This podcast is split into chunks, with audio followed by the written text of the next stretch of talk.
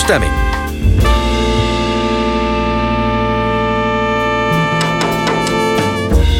Welkom bij De Stemming, het interview- en discussieprogramma van L1 Radio. Vandaag met de volgende onderwerpen.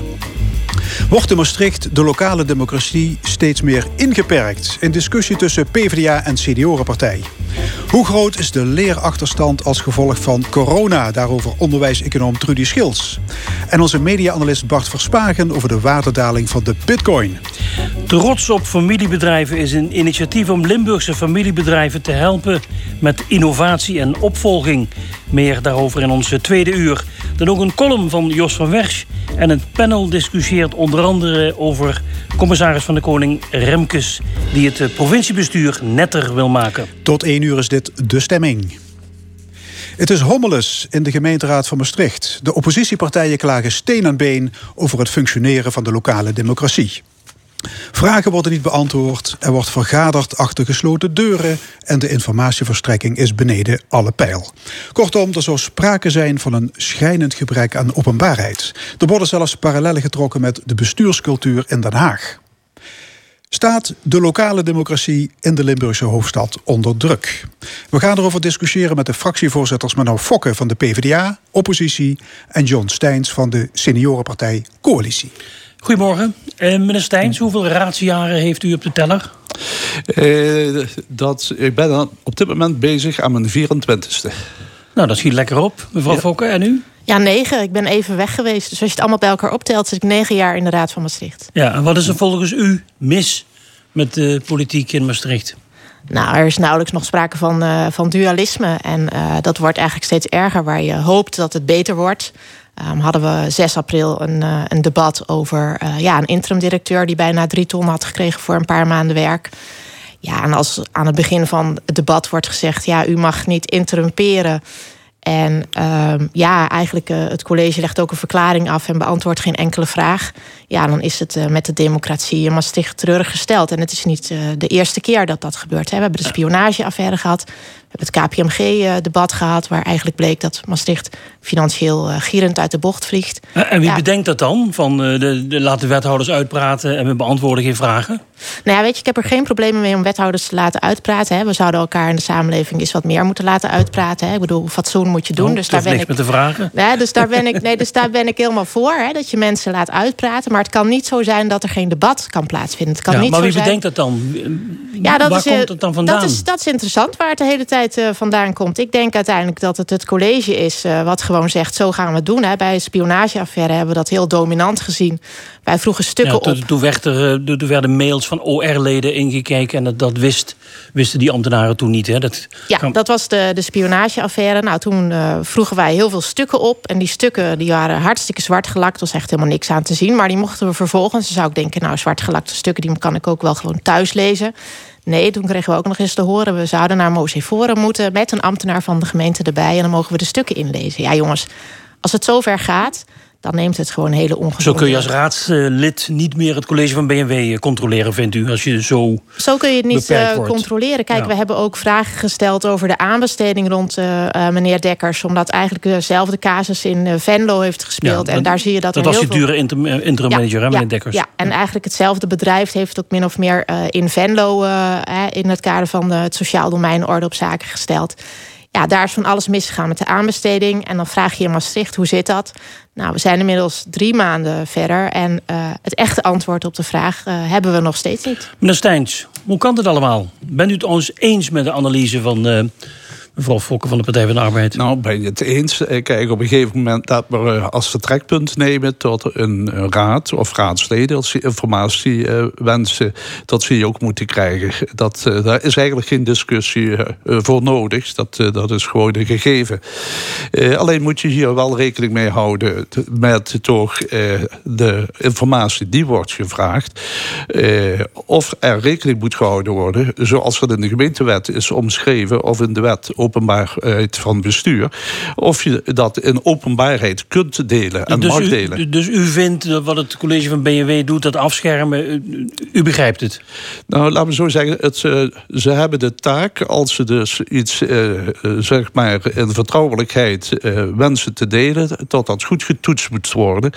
En het rekenkamerrapport dat volgende week behandeld is geworden in de Raad, heeft dat duidelijkheid, zowel bij coalitie, maar ook bij de oppositie gegeven, dat we ook als Raad daarin onze verantwoordelijkheid moeten nemen. Maar u zit al 24 jaar in de gemeenteraad. Heeft u het idee dat het nu anders is dan pak een beet uh, tien jaar geleden? Nou, er spelen nu een aantal onderwerpen die uh, mogelijk uh, dit hebben doen bovendrijven. als je het hebt, verhouding oppositie-coalitie. zuiver op het behalen van doelstellingen, ambitie zoals je dat in een coalitieakkoord vastlegt. kan ik niet zeggen dat er iets veranderd is. Ik heb het zelf vanuit de oppositiesituatie meegemaakt. Om... Dus u vindt het nu niet minder openbaar dat het het controleren van het BMW, het gemeentebestuur door de raad, dat het nu slechter gebeurt dan tien jaar geleden, of dat het moeilijker wordt gemaakt door BMW? Uh, we moeten spelregels daarvoor hebben, duidelijk. En dan moet, moet je als raad ook stellen. Maar nogmaals, vertrekpunt is informatie die je nodig hebt. Of dat nee, nou maar goed, maar daar is iedereen het over eens. Ja, precies. niemand zal zeggen van dat dat niet het vertrekpunt is. Maar waarom ja. is het dan toch anders? Nou, het is wel degelijk anders. Toen ik terugkwam uit Den Haag werd ik eerst ook gewaarschuwd van... Manon, vergis je niet, de sfeer in Maastricht is heel erg veranderd. En ik ben altijd heel positief ingesteld. Dus ik dacht, ach, dat zal eigenlijk allemaal wel meevallen. Hè. Misschien moet mijn partij ook een beetje wennen aan een nieuwe rol. Hij zat in de coalitie, je gaat naar de oppositie. Maar uh, ik begreep eigenlijk steeds beter waarom ook de vorige periode in 2017 de hele oppositie bij toen al dat shared service centrum bij een debat gewoon is weggelopen. Omdat ze er niet doorkwamen. Nou, vervolgens is dat hele dossier. Maar wie is nou de drijvende kracht daarachter? Is, is dat de burgemeester Pen? Is dat een angsthaas? En zegt hij van jongens, hou alles goed gesloten? Niet te veel openbaar? Ik zou het niet weten. Weet je, als je met onderlinge uh, wethouders, hè, bijvoorbeeld uh, sinds uh, bijna een jaar hebben we de vrouwelijke wethouder Bastiaans. Hè, tegenwoordig hebben we een mannelijke en een vrouwelijke wethouder Bastiaans. Als je gewoon met haar, zij is echt van de openheid en transparantie. Maar het lijkt wel alsof de optelsom, als dit college samen en zeker over dossiers waarvan, waar echt iets is misgegaan, waar je ook echt keihard politieke verantwoording mm. over hoort achterleggen. Sleutels als hè, zoals dat, dat overdekkers. Ja, eerst Um, wij zeggen, joh, dat kan toch niet dat je in een paar maanden tijd zoveel geld uitgeeft. Had na een week gezegd, uh, wij balen daar ook van. Hè. Dan hadden we helemaal geen debat gehad. Het blijft twee maanden stil. Zelfs uh, uh, de persvraag stelt nog vragen, krijgt geen antwoord op de vraag. En dan ineens tijdens het debat vond het college ook al altijd dat het, dat het, dat het niet kon. Mm. En dan denk ik, ja jongens, wat is er nou waar? Als dit is wat je echt vindt, dan had je dat meteen in week 1 uh, eh, ook kunnen ja, zeggen. Maar dus vooral het, het idee dat bij. Maar waar komt de angst vandaan dan? Ja, dat zou je aan het college moeten vragen. Kijk, ik ja, snap niet waar. de... inschatten. Ja, ik denk dat ze heel erg bang zijn. Hè. Als ik het ook zie, dan, dan zegt de coalitie ook... Hè, bij, bij Dekkers uh, lag er bijvoorbeeld uh, een motie van, van afkeuring. Nou, dus heel netjes. Je had ook kunnen zeggen een motie van wantrouwen. Nou, maar waarom altijd de rode kaart trekken? Weet je, bestuurders naar huis sturen is echt geen doel op zich. Dus de, de oppositie zegt, jongens een gele kaart met daarin van vanaf nu doen we een aantal dingen anders. Nou, de, de coalitie heeft nog nooit, gewoon geen enkele keer. Hè, Maastricht kan 12 miljoen uh, kwijtraken aan zorgdossiers. De coalitie heeft daar gewoon niet één kritische vraag over gesteld. Meneer Steins, u bent van die coalitie. Uh, is dit goed voor de gemeente? Is het goed voor de stad? Als de, de gemeenteraad zo met elkaar omgaat? Dat nou, er zo weinig debat kennelijk is, dat het zo, zo angsthazerig is, dat de perceptie van openheid uh, tussen coalitie en oppositie, dat, dat, dat er heel verschillend tegenaan wordt gekeken? Nou, als we het hebben over dat uh, zeg maar, uh, probleem in het sociaal domein. En uh, zien toen de problematiek door het college naar voren werd gebracht. tot de Raad toch gezamenlijk in zijn totaliteit. voor dat KPMG-rapport ja, en onderzoek ja, heeft Niet ingewikkeld met de details nu, maar het gaat maar meer om het, de, de manier waarop met elkaar wordt omgegaan. Is dat goed voor de stad? Laat me zo zeggen, van de, de wijze... dat de kwaliteit van het debat? Nou, het, kijk, het, wat, waar het mee begint is van... waar ligt dat vertrekpunt? en als je het vertrekpunt neemt uh, van uh, dit is niet goed en dit klopt niet, terwijl er nog geen feitelijke gegevens op tafel liggen, mm dan krijg je natuurlijk ook een houding die iets terughoudend is als zodanig. Uh, je zult uh, op een gegeven moment met z'n allen samen op een gegeven moment moeten werken ja, maar aan de oplossing. Mm, maar dat lijkt me nu niet te gebeuren. Samen de oplossing. Het verhardt eerder. Als je de, de, de, de, de verhalen daarover volgt, wordt nou, de verharding in de raad ja, ik denk alleen maar dat, dat uh, en dat geldt niet voor alle oppositiepartijen, maar ik denk ook de wijze waarop men dat naar voren brengt, tot dat echt niet bevorderlijk is om tot een goede samenwerking te komen. Oppositie is het schuld. Nee, ik geef niemand de schuld. U zegt, u zegt van hoe ze het naar voren brengen. Wat, wat bedoelt u dan? Nou, uh, hoe, je, je, hoe je je profileert op een gegeven moment, eh, dat schrikt op een gegeven moment af om daar op een gegeven moment. Want je moet het nooit in een persoonlijke trekken. Uh, je moet een probleem. De oppositie maakt het te persoonlijk. U, u, stelt in het algemeen. Ik heb het over een aantal fracties. Ja. ja. Herkent u dat, mevrouw Fokker? U bent van de oppositie?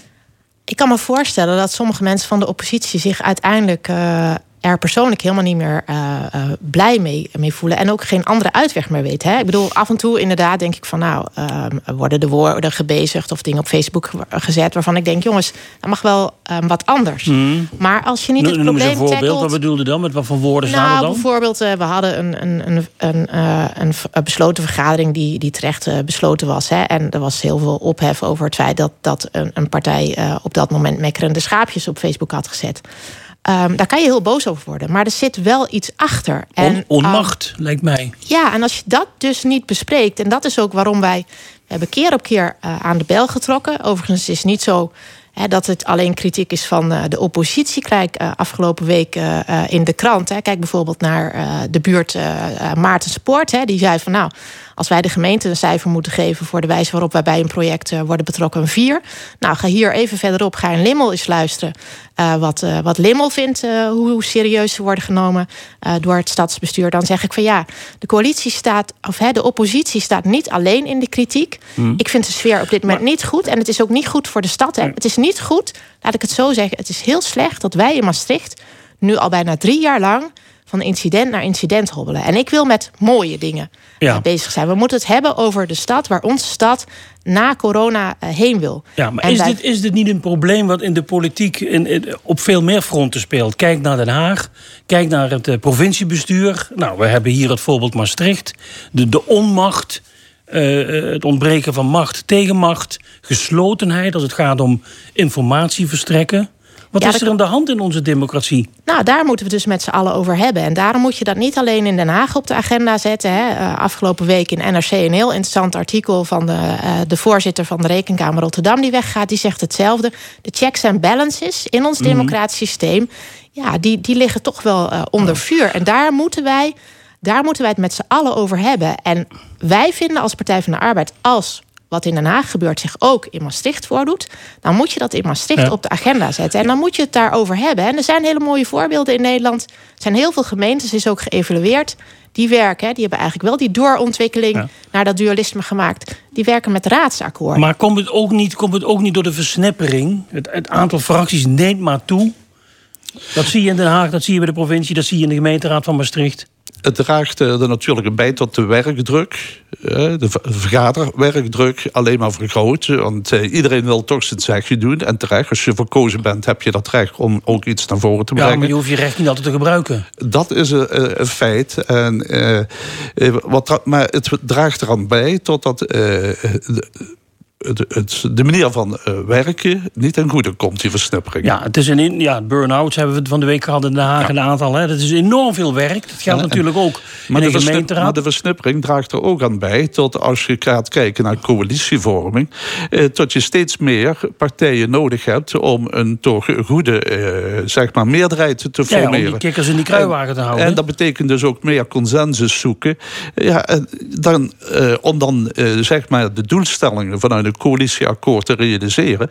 Ja, dan is de vervolgstap natuurlijk van hoe kun je, je elkaar vasthouden om dat ook te verwezenlijken. Ja, maar die versnippering heeft natuurlijk nog een ander effect. Dat is juist polarisatie. Want omdat je klein bent, begin je harder te schreeuwen. Ja, want je komt niet zo vaak aan bod. Nee, dat klopt. Dus, dus, dus, dus die twee versnipperingen en polarisatie, die versterken elkaar. Ja, ja, maar en waar dat goed voor is, is mij nog steeds niet helder. Nee, maar je ziet ook als intern uh, binnen uh, partijen toch een beetje gedoe is... hoe snel tot men zich van elkaar afsplitst. Ja. Uh, dus wat dat betreft is dat ook een element dat daar behoorlijk op inspeelt. Hoe kun je dat remmen, dat effect dat versnippering en polarisatie elkaar blijven versterken?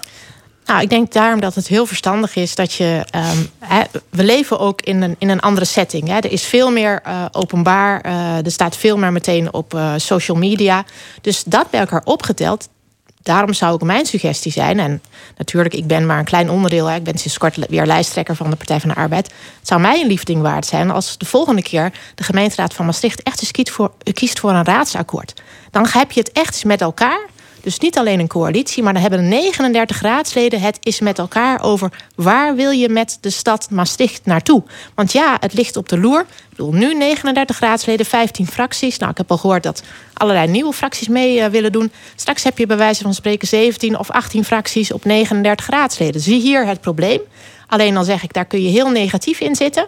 Dan kun je ook zeggen, maar dat kunnen we wel oplossen. Want we willen uiteindelijk, ook al zijn we heel verschillend, in onze uh, grondbeginselen. Het hoger doel is van iedereen hetzelfde het natuurlijk. Het hoger doel is van iedereen hetzelfde. Je wil iets voor de stad. En als wij het over sociaal domein hebben... laten we elkaar bijvoorbeeld niks wijsmaken. Hè. Nog steeds ook gelet op de financiën... Hè, die uit Den Haag natuurlijk maar mondjesmaat zijn gekomen. Zorgkindje, daar wil iedereen het beste. Dus ik zou zeggen, sla een volgende periode... is de handen in één. Ga voor dat raadsakkoord... En ga vervolgens niet als coalities je weten zijn zo vreselijk veel partijen nodig voor een coalitieakkoord. Eigenlijk wat men in Den Haag nu doet. Gun elkaar eens iets. En timmer die coalitieakkoorden niet zo ontzettend dicht. Want dan krijg je precies wat in Den Haag gebeurt dat over alles discussie Ja, daar moeten, moeten we van leren van Den Haag. Wordt, moeten ja, we Den Haag moet je niet in Maastricht doen natuurlijk. Nee, vooral niet. Zo'n zo, zo, zo, raadsakkoord. Ja, dat maar we gaan afronden, meneer. Uh, u moet het er onderling over hebben verder, denk ik. Maar, maar, maar volgens mij komt het goed. U bent ook voor een raadsakkoord, zullen we maar zeggen. Nou, Toch? ja of nee? U mag alleen ja of nee zeggen. Bent u voor een... Nou, ik, ik, durf het aan om daar eens naar te kijken. Maar dus een utopie te denken tot dat een, tot unanimiteit zal leiden. Oké, dank u wel. Meneer John Steins van uh, de Seniorenpartij Maastricht. En Manon Fokker van de Partij van de Arbeid. Zometeen naar de stemming. Onderwijs-econoom Trudy Schils over corona, de opgelopen leerachterstand... en de 8,5 miljard steun van de minister. Maar eerst een portie ska van de specials.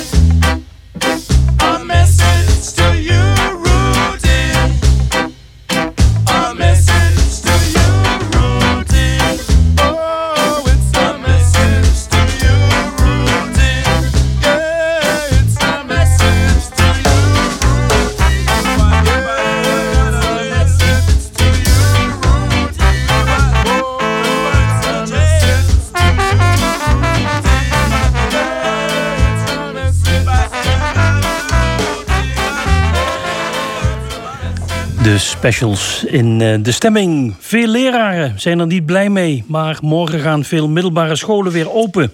De vraag is of het digitale afstandsonderwijs schade heeft aangericht en zo ja, hoe groot is die dan, die leerachterstand? En waar moet het onderwijsveld de 8,5 miljard euro steun van het kabinet aan besteden? Hoe kun je leerlingen beter laten presteren? Allemaal vragen voor Trudy Schils, hoogleraar onderwijseconomie aan de Universiteit Maastricht. Mevrouw Schels, welkom. Ja, het is de bedoeling dat morgen dat voortgezet onderwijs weer open gaat. Hè? In Limburg gaat het gros trouwens pas open op 7 juni. Uh, heeft u begrip voor de boosheid onder de leraren... die op de valreep geen corona willen oplopen? Ja, zeker heb ik daar begrip voor. Het is, uh, het is heel spannend als je nu in één keer met heel gro grote groepen leerlingen weer in uh, kleinere lokalen moet. Um, bovendien heb ik ook wel begrip voor alle boosheid die er is omtrent de omroost omroostering van alle vakken. Want opeens moet alles ook weer omgeroosterd worden. En vooral op bijvoorbeeld uh, beroepsonderwijs, dus VMBO, is ja, dat, is een ook behoorlijke een reden waarom die vertraging optreedt. Hè? Omdat ze ja. de roosters niet rondkrijgen. Ja. Maar docenten willen met voorrang worden gevaccineerd. is dat een terechte eis?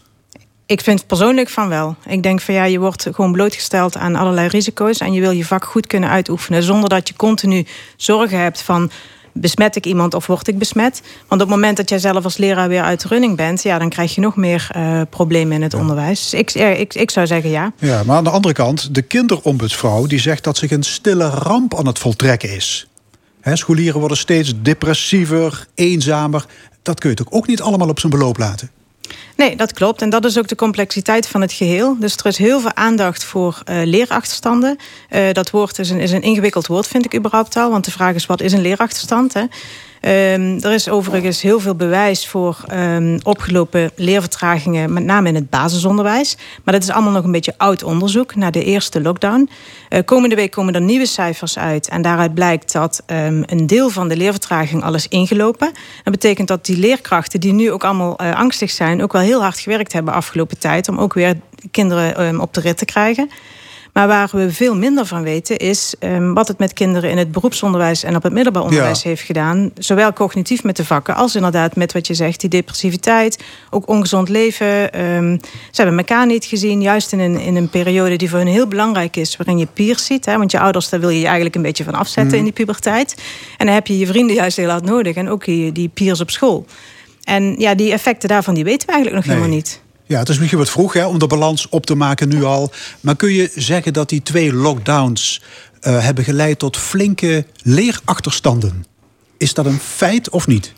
Ik zou niet zeggen dat dat een feit is.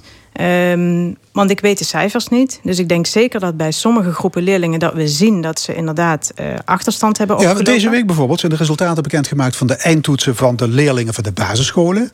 Wat blijkt? Er is leerachterstand, maar die is niet heel groot. Daar valt het dus reuze mee.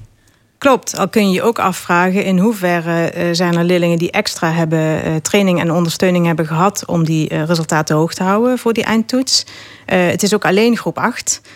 Um, dus het is maar een bepaald kort. Het zijn alleen de vakken die getoetst worden in die eindtoets. Dus heel veel andere zaken komen daar niet in terug. Ja, en dat zal ook per regio verschillen, neem ik aan. Hè? Per school... Amsterdam-Noord is misschien erger dan in Midden-Limburg, om eens wat te noemen. Zou kunnen. Ik durf dat niet te nee, zeggen. Uh, ik heb daar geen cijfers van. Maar is het wel mogelijk dat onderwijswetenschappers zoals u die achterstand exact in kaart kunnen brengen? Uh, met de huidige gegevens die er zijn in het onderwijs is het niet mogelijk om het exact in kaart te brengen. Maar je kunt een heel eind komen. Dus bijvoorbeeld, waarom weten we zoveel van het basisonderwijs? Omdat we daar heel mooi van die systemen hebben, zoals leerling-volksysteem, waar kinderen systematisch twee keer per jaar toetsen maken dan kun je gaan zien van hoe zou een leerling het zelf moeten doen. Hè? Dus je kunt de leerling vergelijken met zijn eigen potentieel, maar je kunt ook leerlingen vergelijken met andere leerlingen. En dat soort systemen, hè, ouders vinden het vaak ingewikkeld, hè, veel toetsen, eh, maar dat stelt ons wel in staat om op een goede manier die ontwikkeling te meten. Hmm. Dat hebben we nog niet in het middelbaar onderwijs en dat hebben we al zeker niet in het beroepsonderwijs. Ja, maar je kunt toch, laat ik zeggen, de cijfers van proefwerken, toetsen, examens enzovoorts van nu vergelijken met die van 2019. Dan weet je toch precies hoe de vlag erbij hangt? Vind ik heel ingewikkeld, want ik vind het al heel moeilijk om proefwerken van twee verschillende leerkrachten met elkaar te vergelijken. Want we weten allemaal, een leerkracht maakt zijn eigen proefwerk en je kunt eigenlijk niet met een andere leerkracht uh, vergelijken. En al zeker niet door de jaren heen, want een leerkracht neemt ook allerlei andere zaken mee in die proefwerken. Dus... Kortom, u heeft als onderwijseconoom een lastig vak. Een leuk vak. een leuk vak, ja. Maar zijn er wel harde uitspraken te doen over het beroepsonderwijs? Het VMBO en het MBO? Ja, wat je daar ziet is dat we wel zien uit de cijfers... en dat komt dan vooral uit vragenlijstonderzoek... maar ook uit uh, de, de rapportages die de scholen zelf doen... is dat je wel ziet dat de kinderen daar veel onzekerder zijn... over hun uh, praktijklessen. Ze oh, dat kan niet met corona natuurlijk. Precies, die hebben ze dus gewoon niet gehad. Dus daar heb je een, een echte leerachterstand opgelopen... omdat je het gewoon niet gehad hebt. Dus het is niet aangeboden, want dat kon niet... En vervolgens maken de leerlingen zich ook nog eens heel veel zorgen. Dat geldt ook voor de mbo'ers. Um, over het ontbreken van allerlei um, um, stageplekken dadelijk. Maar ook de, de arbeidsmarkt. We weten ook niet wat daar gaat gebeuren. En daarvan zie je dus wel echt harde cijfers... dat met name leerlingen op het VMBO en het mbo... zich meer zorgen maken over hun toekomst... dan uh, leerlingen in andere jaren. Nu heeft onze minister van Onderwijs 8,5 miljard euro beschikbaar gesteld... Hè, om die corona-achterstand te bestrijden. Dat is een mooie zesde van Arie Slop. Ja, zeker. zeker. Um, het, het, bedrag is heel mooi. De intentie is ook heel mooi. Um, waar we kritisch op zijn. Dus ik zit ook uh, met een aantal andere wetenschappers... hebben we ons verenigd in het onderwijs OMT... om te kijken van kunnen we kritisch zijn... en kunnen we ook het onderwijs helpen om um, ja, met adviezen waar ze mee vooruit kunnen. Wij zijn heel kritisch op de gang van zaken rondom die 8,5 miljard. Want er werd heel snel uh, gevraagd van... nou breng in kaart hoe groot die problematiek is. Ja. Nou, we hebben het er net uitgebreid over gehad dat het heel lastig is. Dus voor een school sowieso. Een school moet vertrouwen op eigen cijfers. En je moet je kunnen vergelijken met andere scholen... om te weten, is het probleem bij mij op de school groter dan ergens anders. Um, vervolgens moeten ze kiezen uit een uh, geprefereerde menukaart van dit mag je gaan doen. Uh, die menukaart kwam later dan uh, gepland eigenlijk. En nu is de vraag van kun je die interventies die op die menukaart staan... kun je daar voor je eigen school iets mee? En hoe moet je ze aanpassen aan je eigen context? Ja, dus het onderwijs OMT is kritisch. Ook de Algemene Rekenkamer. Ja. Die zegt van minister, let op dat het geld goed wordt besteed. Pas op voor misbruik. Zorg voor toezicht allemaal terechte zorgen dus. Ja, en ik denk dat wat het onderwijs ook gaat doen... is um, die gelden gebruiken om nu in te zetten... op structurele verbeteringen in het onderwijs. En wat je ziet is... Leraren Leraren bijvoorbeeld. Aanvullen. Ja, of op een andere manier ook gebruik maken van onderwijsassistenten. Uh, het behoud bijvoorbeeld ook van de, de, stappen die er gezet zijn... in die digitale uh, transitie in het onderwijs. Want er zijn natuurlijk hele mooie dingen ook gebeurd ja. in coronatijd.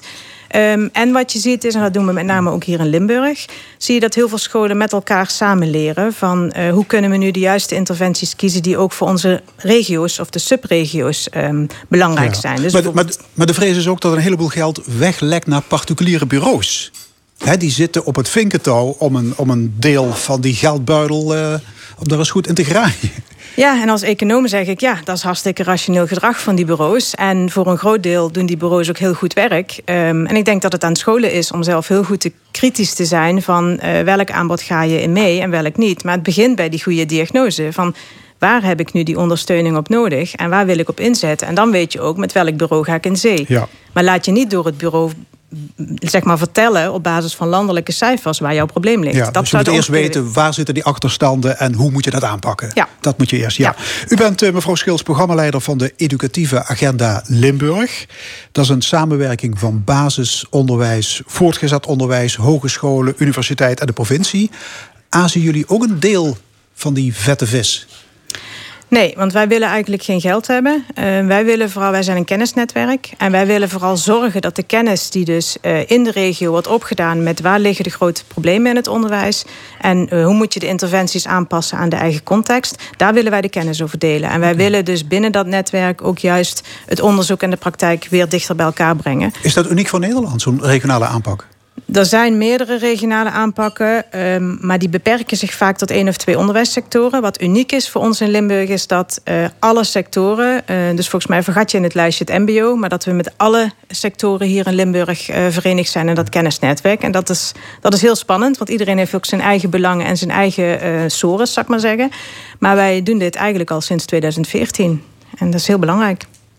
U bent onderwijs-econoom en u kijkt vooral naar de vraag hoe kunnen we leerlingen beter laten presteren?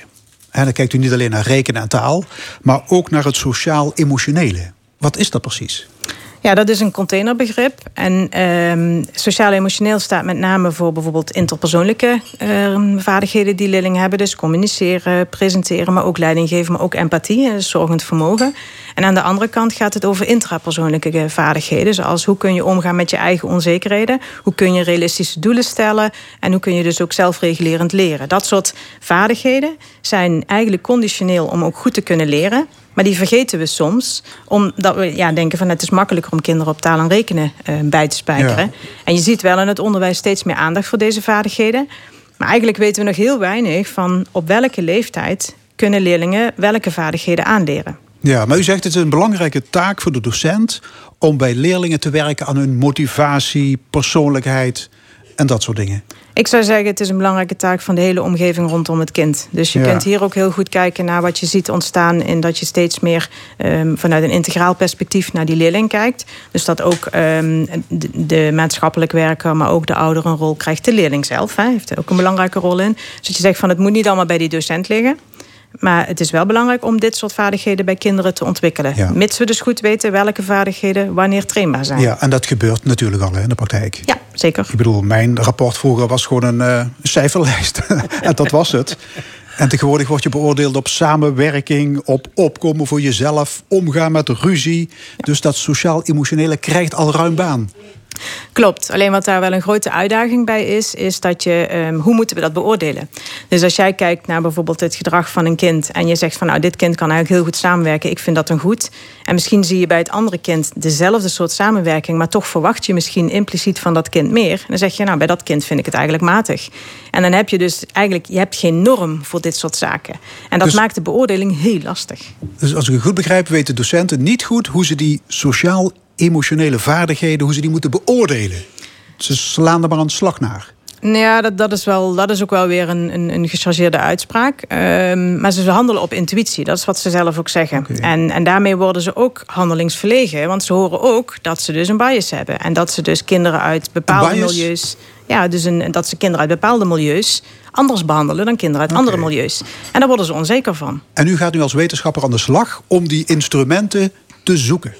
Met leraren, ja. Dus ik wil heel veel met leraren, met name einde basisschool, wil ik gaan kijken hoe kunnen we nu goede instrumenten ontwikkelen om dit soort dingen die we zo belangrijk vinden, om die op een goede manier te beoordelen, maar waarbij je wel ook dat oordeel tussen leerlingen kunt vergelijken en tussen leerkrachten kunt ja. vergelijken. En ben ik terug bij dat proefwerk, wat ook niet vergelijkbaar nee. was. Maar nu hoor ik toch luisteraars denken, ja, allemaal goed dan wel, maar ondertussen hebben de kinderen de grootste moeite met lezen. He, een kwart van de 15-jarigen is laaggeletterd. Die, die kunnen geen brief van de overheid lezen. Schieten we niet door? Dat is de vraag. Uh, de vraag is waardoor lezen ze niet goed? Lezen ze niet goed omdat ze te weinig leesuren hebben gehad? Of lezen ze niet goed omdat ze er geen zin in hebben? En dat laatste vereist een andere aanpak dan als ze gewoon niet goed kunnen lezen, omdat ze bijvoorbeeld ook geen woordenschat Ik kennen. vrees dat ze gewoon te veel op telefoontjes zitten. En mobieltjes, moet scherpjes. Ook, moet je ook lezen. ja, moet je ook lezen, ja. Nee, maar ja. dat, soort, dat soort. Je moet heel goed snappen welke deelaspecten um, een leerling eigenlijk op tekort schiet. En dat kan ook verschillen. Dat kan bij de jongens kan dat anders zijn dan bij de meisjes, bij wijze van. En daar moeten we dus gewoon met z'n allen goed naar kijken. En niet te snel zeggen van, oh ja, we moeten meer leesonderwijs geven. Want als het om motivatie gaat, dan gaat de motivatie alleen maar achteruit. Want jij weet net zo goed als ik, als jij meer uren in een vak krijgt waar je toch al geen zin in hebt, ja, dan ga ik het niet beter doen. Ja, als ik u hoor, denk ik, wat, wat heeft dit onderwerp met economie te maken? Nee. Dit is toch puur pedagogiek waar u mee bezig bent? Uh, voor een deel, maar een econoom die houdt ervan om te kijken hoe mensen keuzes moeten maken als het gaat om schaarse middelen. En tijd in het onderwijs is schaars. Dus we moeten heel goed nadenken welke keuzes moeten maken. En je wil vanuit de economische theorie wil je goed nadenken wat zijn nu de gevolgen van die keuzes. En dan kun je voor jezelf doorrekenen van oh ja, maar als ik hier aan deze knop draai, dan zou dit en dit gebeuren. En, en, dat is wat een econoom uh, graag doet. En wat ik er wel bij wil zeggen is, die pedagoog die vind ik heel belangrijk. Die psycholoog ook, die socioloog ook overigens. En ik denk dat je het onderwijs alleen maar kunt verbeteren vanuit een multidisciplinair perspectief. En dat is waar ik wel voor ga in mijn, uh, in mijn leerstoel. Trudy Schils, hoogleraar onderwijs-economie. Hartelijk dank. Graag gedaan. En nu we toch met economen bezig zijn, zo meteen onze huiseconoom Bart Verspagen. Maar eerst Solomon Burke, Don't Give Up On Me.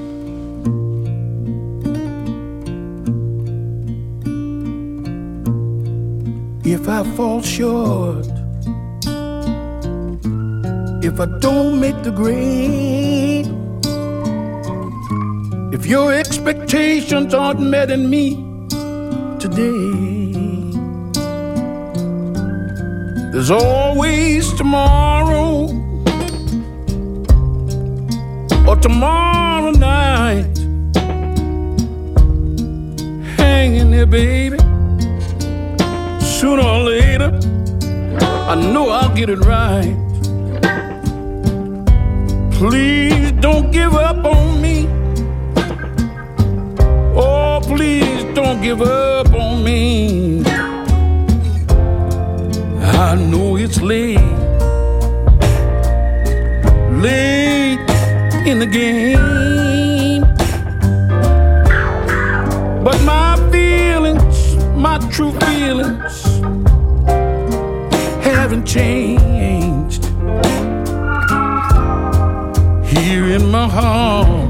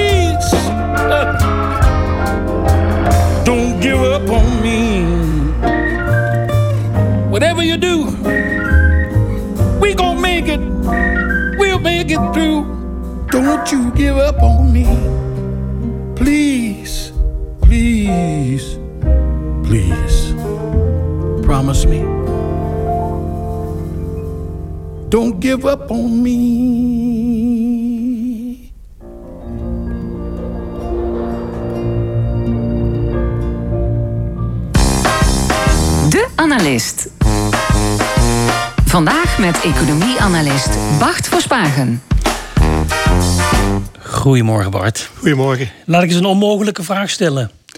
Wat zijn de lessen, de economische lessen... na ruim een jaar coronacrisis? Ja, ik zou er eh, eigenlijk twee grote lessen uithalen. De eerste is eh, dat we gezien hebben dat die coronacrisis heel hard is, eh, heeft ons heel hard geraakt als je naar het bruto binnenlands product kijkt, naar de productie. Maar de overheid heeft daar eigenlijk heel adequaat op gere- gereageerd. Die hebben meteen beleid ingezet.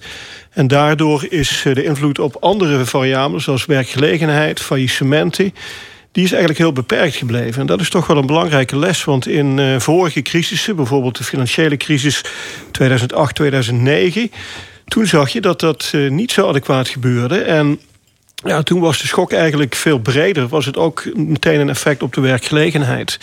Eh, dus dat is het positieve wat ik er eh, als econoom uithaal. Maar, maar de economische theorie dat als je geld pompt in de maatschappij... is dat goed voor de maatschappij, dat is toch geen nieuwe theorie?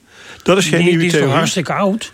Nee, dat klopt, maar dat is wel een controversiële theorie. Eh, Ja, het want- ligt aan wie er regeert, meestal.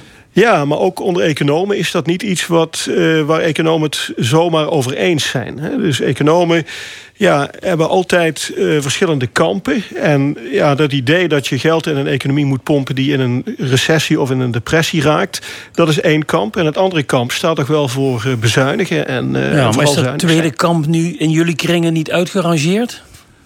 Um, ik, ik denk voorlopig? Dat, ja, voorlopig wel. Maar het gaat wel weer terugkomen. Hè, want we hebben natuurlijk wel een begrotingstekort gecreëerd. En ja, wat moet je daarmee gaan doen? Moet je dat uh, aanvaarden dat dat zo hoog is? Of moet je dan toch weer gaan bezuinigen? En dan heb je die discussie toch weer terug, denk ik. Uh, ja. het volgende kabinet. Maar goed, we hebben in elk geval heel anders gedaan dan bij de vorige economische crisis. Waardoor die effecten nu zijn uitgebleven. Maar je, dat was de positieve noot. Ja. Maar je hebt ook een negatieve noot. Ja, die negatieve noot, dat is uh, als je kijkt naar ja, waar staan we eigenlijk voor als, als samenleving uh, wat betreft onze economie. Ja, dan is het toch vooral consumentisme. En dat is iets wat we heel sterk zien. Hè. We hebben die lockdown gehad, hebben we nog steeds een beetje. Uh, we mogen niet meer naar de winkelstraat, we mogen niet meer naar de horeca. En daar kunnen we als samenleving toch heel moeilijk mee omgaan. Want dat is economisch gezien wat, wat wij willen. We willen fun shoppen, we willen het restaurant in, het café in. En ja, als we dat niet meer mogen, kunnen we daar heel moeilijk aan wennen. We doen dat met tegenzin. Mogen we weer, dan gaan we toch weer met z'n allen die winkelstraat in. Enorme massa's mensen, het liefst zonder mondkapje. En dat vind ik een negatieve noot, omdat het aantoont dat we helemaal, eigenlijk helemaal niet in staat zijn om de transitie te maken die we straks nodig hebben om die klimaatcrisis het hoofd te bieden. Want dat consumentisme, het zoveel mogelijk willen consumeren, dat is eigenlijk de oorzaak van de klimaatcrisis. We kunnen daar Shell de schuld van geven. Dat heeft de rechter eh, min of meer gedaan afgelopen week. Maar Shell levert toch de energie die wij nodig hebben als consumenten... voor de terrasverwarmers die we nodig hebben om op het terras te zitten. De benzine of de diesel die in die grote auto's gaat... die we allemaal willen rijden. En ja, als we straks echt die omslag uh, voor een duurzame economie moeten maken dan hou ik mijn hart vast. Want dat gaat veel drastischer uitpakken dan die hele lockdown. Ja, alleen zo'n zo'n impuls door de corona-ellende. Je anders gaan gedragen. Je beter gaan gedragen voor het klimaat, om het zo te zeggen. Dat is wel een ontzettend uh, slechte prikkel. Uh, ellende is nooit een prikkel om iets anders te doen. Nee, dat, dat klopt. Maar uh, het heeft toch wel heel erg duidelijk gemaakt dat dat, is, dat dat iets is waar we het heel moeilijk mee hebben. Als je mensen vraagt, uh, als ze gewoon naar de winkels kunnen of zo, en je vraagt ze: zou je bereid zijn om dat te verminderen, dan zeggen ze misschien ja, natuurlijk, daar ben ik best wel bereid voor. Maar als je eerst een jaar thuis houdt, dan moet je ze niet meer vragen om dat te verminderen. Nee, precies. Dan gaat het alleen maar harder hollen. Ja, ja. Dat klopt, dat is ook heel logisch. Dat, ik ja. begrijp dat ook wel, maar het is toch een beetje een tegenvaller. Ik had toch uh, misschien tegen beter weten in gehoopt... dat we daar wat makkelijker mee om zouden kunnen gaan. Ja, ja dus de corona-ellende zou wel eens een negatief effect kunnen hebben... op ons transitiegedrag, ons veranderverdrag... als het gaat om uh, de klimaatcrisis. Dat zou heel goed kunnen, ja. Ja. De bitcoin, wou ik het ook even met je over hebben. Ja. Dat is zo'n zo raar ding. Uh, uh, het was weer een opmars van de bitcoin. Hij ging weer omlaag, hij ging weer omhoog. Het kan vriezen, het kan dooien. Het is een uh, virtuele munteenheid en je kunt hem niet vastpakken. Het is alleen maar iets in een computer, een getallenreeks in een computer. Ja. En die is dan iets waard. Wat is daar nou eigenlijk de economische relevantie van? Ja, de, de economische relevantie is dat het een munteenheid is die tot stand gekomen is zonder dat de overheid zich daar ooit mee bemoeid heeft. Als je denkt aan andere munteenheden, de dollar, de euro, de gulden die we hadden, zijn allemaal munteenheden uh, geweest, of zijn het nog steeds, die door de overheid uh, georganiseerd worden. En dat betekent dat de overheid ook een hele grote invloed op zo'n muntstelsel heeft. En doordat ze die invloed op de munt heeft, heeft ze ook een enorme invloed op de economie. Nou, de bitcoin is puur iets wat uh, uit de privésector komt. Dus van private personen, bedrijven. Uh, die hebben dat verzonnen, die organiseren dat. En dat is, een, een ja, dat is een belangrijk aspect voor een, voor een econoom. Het is ook iets, iets wat heel nieuw is. Want je gaat naar de, als je kijkt naar de geschiedenis van het geld... dan zie je dat eigenlijk nooit. Dat, dat is echt iets wat heel origineel is... en wat mogelijk gemaakt is door die ICT, de informatie- en communicatietechnologie. Ja, want de bitcoin noemen we vaak, maar dat is maar één van de vele cryptomunten. Hè? Ik geloof er zijn er wel tientallen. Ja, er zijn er ontzettend veel die uh, allemaal op de een of andere manier uit die digitale wereld komen, maar die ook wel weer verschillen. Uh, en ja, de details daarvan die zijn verschrikkelijk ingewikkeld. Maar ja, de bitcoin is de, de eerste die echt is, is aangeslagen. Dus mm. daarom is dat de bekendste. Maar is het nou een voordeel of een nadeel dat de, de overheid zich niet bemoeit met de munteenheid? Ja, dat is ook weer zoiets waar, uh, waar je verschillende kampen voor hebt. Ja, in de economen hebben altijd verschillende kanten. Hè? Ja, um, er twee uh, economen bij elkaar, je hebt drie meningen, geloof ik. Hè? Dat klopt, ja. Uh, dus, maar ja, helaas is dat zo.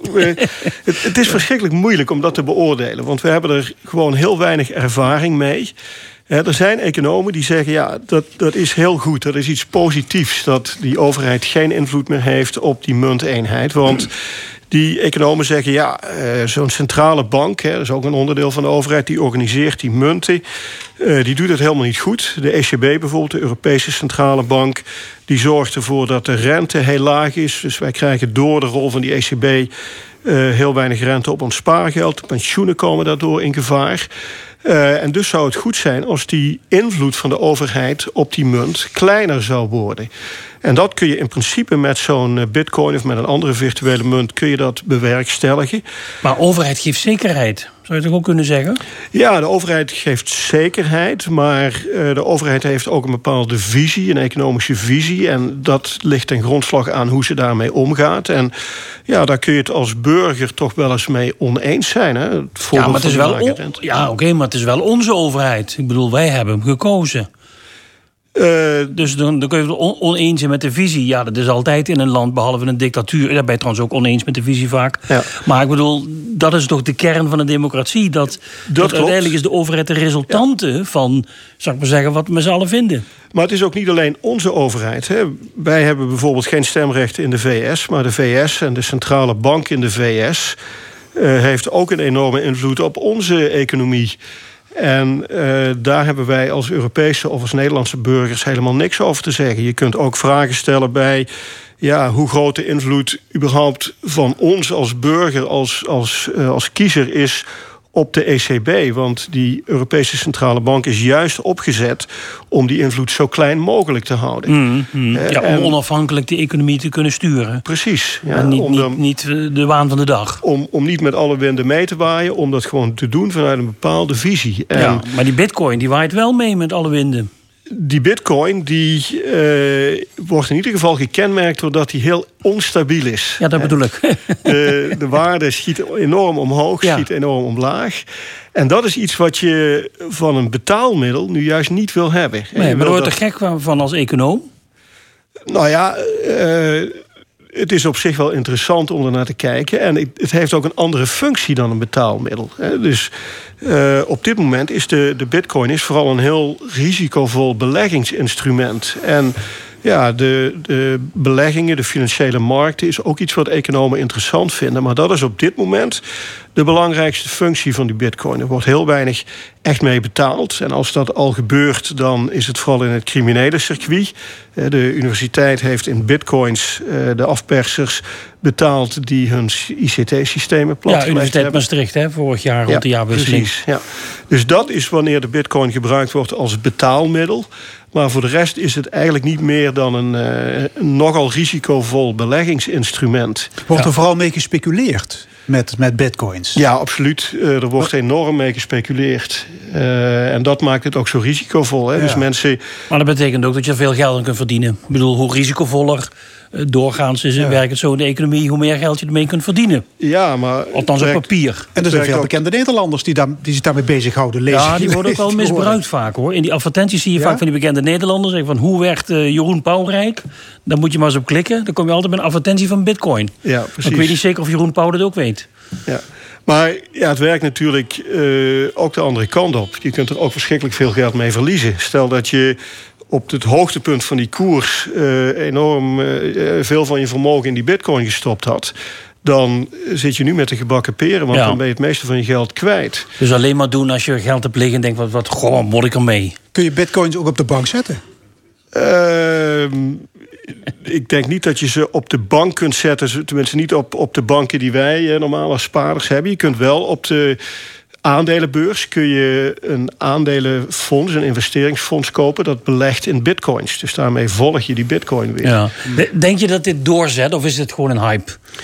Ik denk dat uh, virtuele munten wel zullen doorzetten. Maar uh, ik hoop dat het eh, in wat rustiger vaarwater komt... en dat die koersen zich wat stabieler gaan gedragen. En op het moment dat dat zou gebeuren... Ja, dan kun je ook gaan nadenken over ja, toch andere doeleinden dan alleen maar een risicovol beleggingsinstrument. Want mm. ja, om op die manier ermee te gokken, dat heeft uiteindelijk vanuit het oogpunt van de hele economie niet zo heel veel nut. Ja, dan kun je net zo goed naar het casino gaan.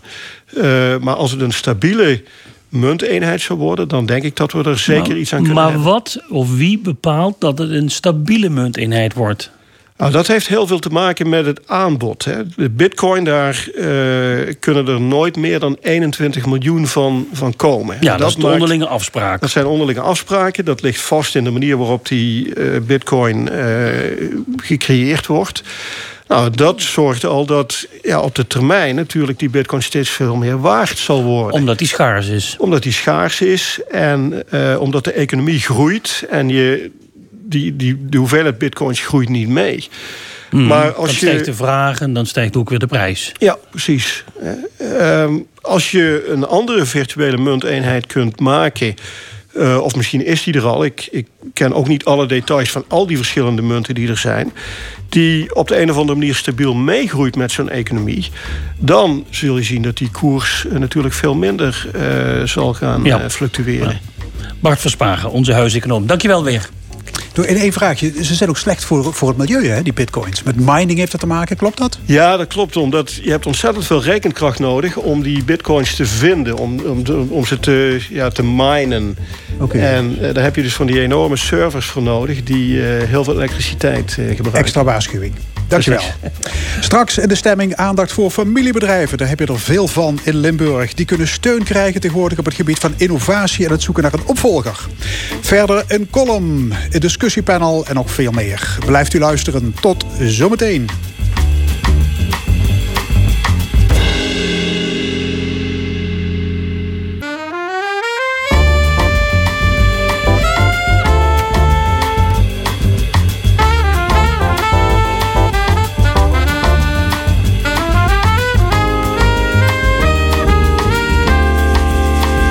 De stemming.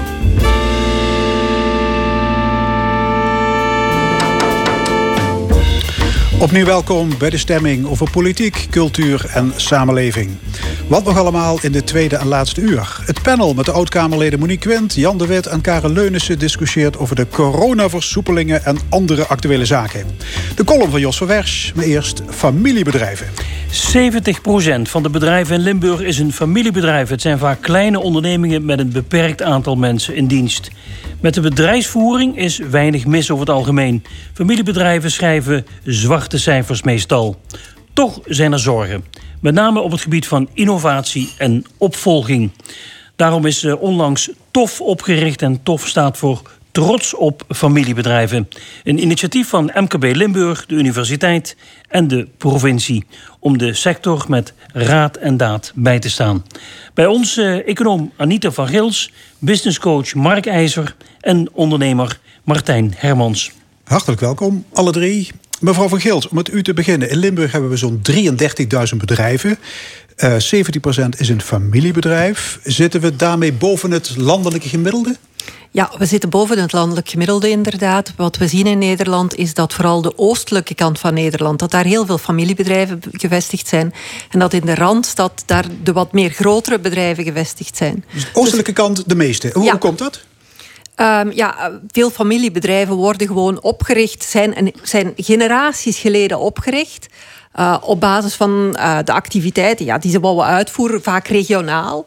En wat we merken bij familiebedrijven is dat, die regio, dat, dat waar dat het familiebedrijf gevestigd wordt, dat die familiebedrijven daar ook vaak over heel veel generaties gewoon blijven. blijven ja. Terwijl grote bedrijven die denken, goh, we vinden meer werknemers in de Randstad, dus we trekken daar naartoe.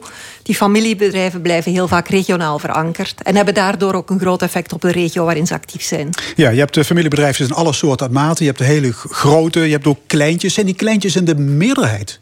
Ja, die kleintjes zijn absoluut in de meerderheid. 99% van alle familiebedrijven zijn kleine en middelgrote uh, ondernemingen. Tussen de 2 en de 50 werknemers? Ja, klopt. 99%? Ja. Wow.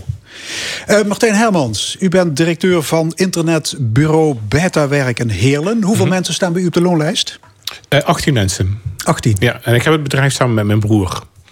Ja, met drie broers volgens mij in eerste instantie. In Eentje is er later. Ja, af, klopt. uit, uitgestapt. Ja, ja, klopt. Jullie maken websites Mhm. en apps. Uh, en jullie hebben pas geleden een geweldige opdracht binnengesleept, hè? Ja, klopt. Wij mogen de website gaan maken voor uh, de grootste radiotelescoop ter wereld. En dat is een samenwerking van uh, 15 landen. Frankrijk doet ook mee nu. Um, die telescoop is 10.000 keer groter dan de grootste radiotelescoop die er nu is. Ja. En wij hebben Trouwens niks te maken met, uh, met de Einstein-telescoop. Nee, nee helemaal niks nee. te maken met de Einstein-telescoop. Uh, en we hebben de internationale aanbesteding gewonnen. Dus daar zijn we heel erg trots okay, op. En uh, die telescoop is nog een aanbouw? Ja, die, is, die wordt komende acht jaar wordt die aangebouwd. Het zijn uh, 200 radiotelescopen en 130.000 antennes. En die zijn allemaal aan elkaar gekoppeld. Die staan in Australië en in Zuid-Afrika. En het is het wordt ook een van de grootste big data onderzoeksprojecten. Waar duizenden wetenschappers aan, aan werken. Hoe is het om met je broers een zaak op te zetten? Ja, nou, bij ons is het iets anders ontstaan. Want wij hadden allemaal al een eigen zaak. En we zijn op een gegeven moment bij elkaar gekomen. Omdat we ja, elkaars werk goed vonden. En omdat we uh, ja, sowieso al een goede band hadden. Uh, en we zijn op een gegeven moment gaan samenwerken. De keuze was eigenlijk, oké, okay, of we gaan helemaal samenwerken... of we worden een beetje elkaars concurrenten. Want we zaten een beetje in dezelfde vijver. En jullie hebben besloten tot een fusie. Ja, precies. Ja, maar, maar, je kent elkaar van haven tot gort. Ja. Uh, zijn er ook nadelen? Uh, nou, hoe zal ik het zeggen? De, je kent elkaar heel erg goed, maar dat is vooral de privépersoonlijkheid. En als je met elkaar gaat uh, werken, en zeker als je mekaars zakenpartner bent, dan leer je de zakelijke, professionele kant van die persoon ja. kennen. Is het en, lastig om elkaar soms de waarheid te zeggen? Of kreeg je dan herrie, herrie in de familie? Ja, nou, er zitten twee elementen aan. Hè. Om te beginnen weet je natuurlijk precies op welke knop je moet duwen... Ja. om de andere tegen het plafond te jagen. Maar de, de, de voorkant, de, andere, de voordeel is dat je elkaar ook heel erg goed weet te stimuleren. En te inspireren. Omdat je die knoppen ook goed weet te vinden. Hè, dus je, je, je kent elkaar heel erg goed. En als je op een gegeven moment ook die zakelijke kant... die professionele kant van die persoon... ja, dan je, bent, je kunt zo goed op elkaar ingespeeld raken... omdat je ook weet van oké, okay, maar daar is hij misschien iets, hij of zij of ja. ik. Hè? Dat is misschien wat zijn minder goede kant. Dus dat vang ik op of we stimuleren elkaar daar. Ja. dus dat zijn een beetje de, de, de twee kanten van, u kunt het, van de medaille. U kunt het iedereen aanraden. Uh, Mark IJzer, nou, u bent... Ja zeggen. nou, nou, ja, nou, ja, goh, weet je, um, kun je het iedereen uh, aanraden? Nee, het, je, je, moet het echt doen als je, als je een hele goede klik hebt. Want, want de keerzijde is, als het misgaat, dan gaat het ook goed mis. En dan heb je niet alleen de ruzie met die zakenpartner, maar ook de directe omgeving, de directe omgeving daaromheen. Die heeft er in ieder geval ja. last van. Op zijn minst heeft het er last van. En in, in het ergste geval, nou, heb je, nou, dat kun je zelf ook wel indenken dan. Ik ga naar meneer IJzer. Mark IJzer, u bent business coach. Um, trots op familiebedrijven, dus opgericht om familiebedrijven te helpen. Onder andere op het gebied van innovatie. Ja. Zijn familiebedrijven daar niet zo sterk in? Zijn ze te behoudzuchtig? We beginnen meteen met een hele moeilijke vraag. Ik, ik kom dat niet tegen. Uh, uh, uh, ik zie alleen wel ehm, dat ze op een andere manier naar de business kijken. En uh, daar ook innovatie anders Welke bij andere manier? Um, meer gericht op toekomst. Echt heel ver weg kijken en ook ver, verder weg durven te kijken. Ja, dat is hartstikke goed. Ja. Ik zeg ook niet dat het verkeerd is. Maar ik had begrepen dat familiebedrijven heel erg gericht zijn op continuïteit. Ja, klopt inderdaad. En niet zozeer ja, bereid zijn om, om gekke dingen te doen, om risico's te nemen. Um, je moet rekening houden met twee verschillende aspecten. Uh, natuurlijk willen familiebedrijven op lange termijn blijven verder bestaan. En daarom hebben ze ook innovatie nodig. Maar wat we zien is dat ze minder investeren in innovatie. Omdat ze, doordat ze over zo'n lange termijn willen verder gaan, gewoon meer tijd hebben om hun investeringen te spreiden. En daardoor nemen ze minder risico. En bij dat risico nemen kijken ze ook altijd van Ehm, we willen wel innovatief zijn, maar we willen het familiekarakter van ons bedrijf ook behouden. En als je te veel gaat investeren, heb je misschien ook veel extern geld nodig. En blijf je de controle Ja. over je bedrijf Want niet behouden. extern geld lenen, dat willen ze niet. Hè? Nee. Geld lenen bij de bank, dat is nou dan Nee. bij het familiebedrijf. Inderdaad. Maar ze hebben wel over het algemeen een behoorlijke, eh, solide financieel beleid wordt er gevoerd. we noemen het patient capital. Heel geduldig kapitaal hebben ze. Dus ze sparen goed, zodanig dat ze ze ook in moeilijk flinke buffer. Ja. Dat heeft ze nu natuurlijk ook geholpen Maar in deze coronatijd. Is dat niet dom? Ik bedoel, Albert Heijn, waarom is het Ja. nu Albert Heijn geworden? Omdat een familiebedrijf wel naar de bank is gelopen. Kost gaat voor de baard uit. Nee, andersom. Nee, dat wel. Nee. Enfin, je weet wat ik bedoel. Hey, ze liep naar de bank, zeker. Wel, dat is afhankelijk van wat je doelstelling is natuurlijk. Hè. Ja, dan Als kan je groeiambities en innovatieambities beter waarmaken als je, als je kapitaal hebt. Want de familie heeft ook niet alles. Die hebben niet altijd de zakken vol. Nee, maar ik kan me voorstellen dat je als familie eh, liever je zaken zelf regelt en het in huis houdt. En, Ja, eh, echt waar? eh, ja, dat kom ik tegen. En, maar dat is, en- dat is een gegarandeerde eh, formule om klein te blijven. Of middelgroot Nou, nee, misschien. daar ben, daar ben ik Nee? het niet mee eens. Eh, eh, dat is ook zeker niet zo. En eh, binnen die families eh, is dat ook eh, goed te regelen. Ehm, maar ik, ik, ik, ja, er zijn natuurlijk ook genoeg familiebedrijven die wel die stap wagen en die dat wel doen. En, eh, maar om daar nu van te zeggen van het niet doen en daardoor de groei tegenhouden, daar geloof ik niet van. Eh, dat kan ik niet wetenschappelijk onderbouwen, maar eh, dat is een gevoel wat ik, wat ik daar zo bij heb en, en een ervaring. Martijn Hermans, u zit in de technologie sector. Mhm. Ja, daar zijn de veranderingen amper bij te houden. Dus u moet wel innoveren. Anders eh, wordt u weggeconcurreerd bij de Ja, wij moeten wel. En, eh, maar even twee reacties op, de, op, de, op dit gesprek. Eh, wij hebben inderdaad ook best wel een, een goed huishoudboekje. Dus, dus dat verhaal van die, laat ik zeggen, die continuïteit en minder snel naar een bank stappen, dat komen we bij ons ook wel tegen. Maar verder voeren wij het bedrijf als een heel normaal bedrijf. Er moeten gewoon goede zwarte cijfers, er moet elk jaar worden gegroeid. We zitten in de technologie sector, dus je moet altijd scherp blijven, altijd blijven innoveren. Ehm, eh, we zijn nog betrekkelijk jong, dus we hebben het nog niet over eh, opvolging. Ik zelf ben Ja, totaal... daar, daar komen we Ja, straks op. ja. Maar waarom heeft uw bedrijf Betawerk zich aangemeld bij TOF? Wat wilt u van ze? Eh, nou ja, familiebedrijven zijn gewoon andere bedrijven. En het is, nou ja, om te beginnen, het heel leuk en inspirerend om met, de- met collega-bedrijven over te hebben. Eh, en je hebt gewoon andere vraagstukken die bij een normaal zakenpartnerschap niet zijn. Dat is, dat is gewoon een feit. En het zijn gewoon andere bedrijven. Dus ik vind het leuk om iets bij te dragen. Maar ik vind het ook heel erg interessant om te leren van bedrijven die al langer bestaan. Ehm, Ja, snap ik. Maar u heeft niet een concrete hulpvraag. Want wij zitten bij Betawerk met dit en dat probleem. En daarom stap ik naar TOF. Nou ja, wij, wij hebben natuurlijk altijd vraagstukken, maar dat zijn nu vraagstukken die elk normaal bedrijf heeft die een ontwikkeling doormaakt. Niet, eh, want wij hebben met, met de twee broers hebben op dit moment best goede afspraken gemaakt. Ehm, en ehm, dus wat dat betreft niet. Maar als je het hebt over.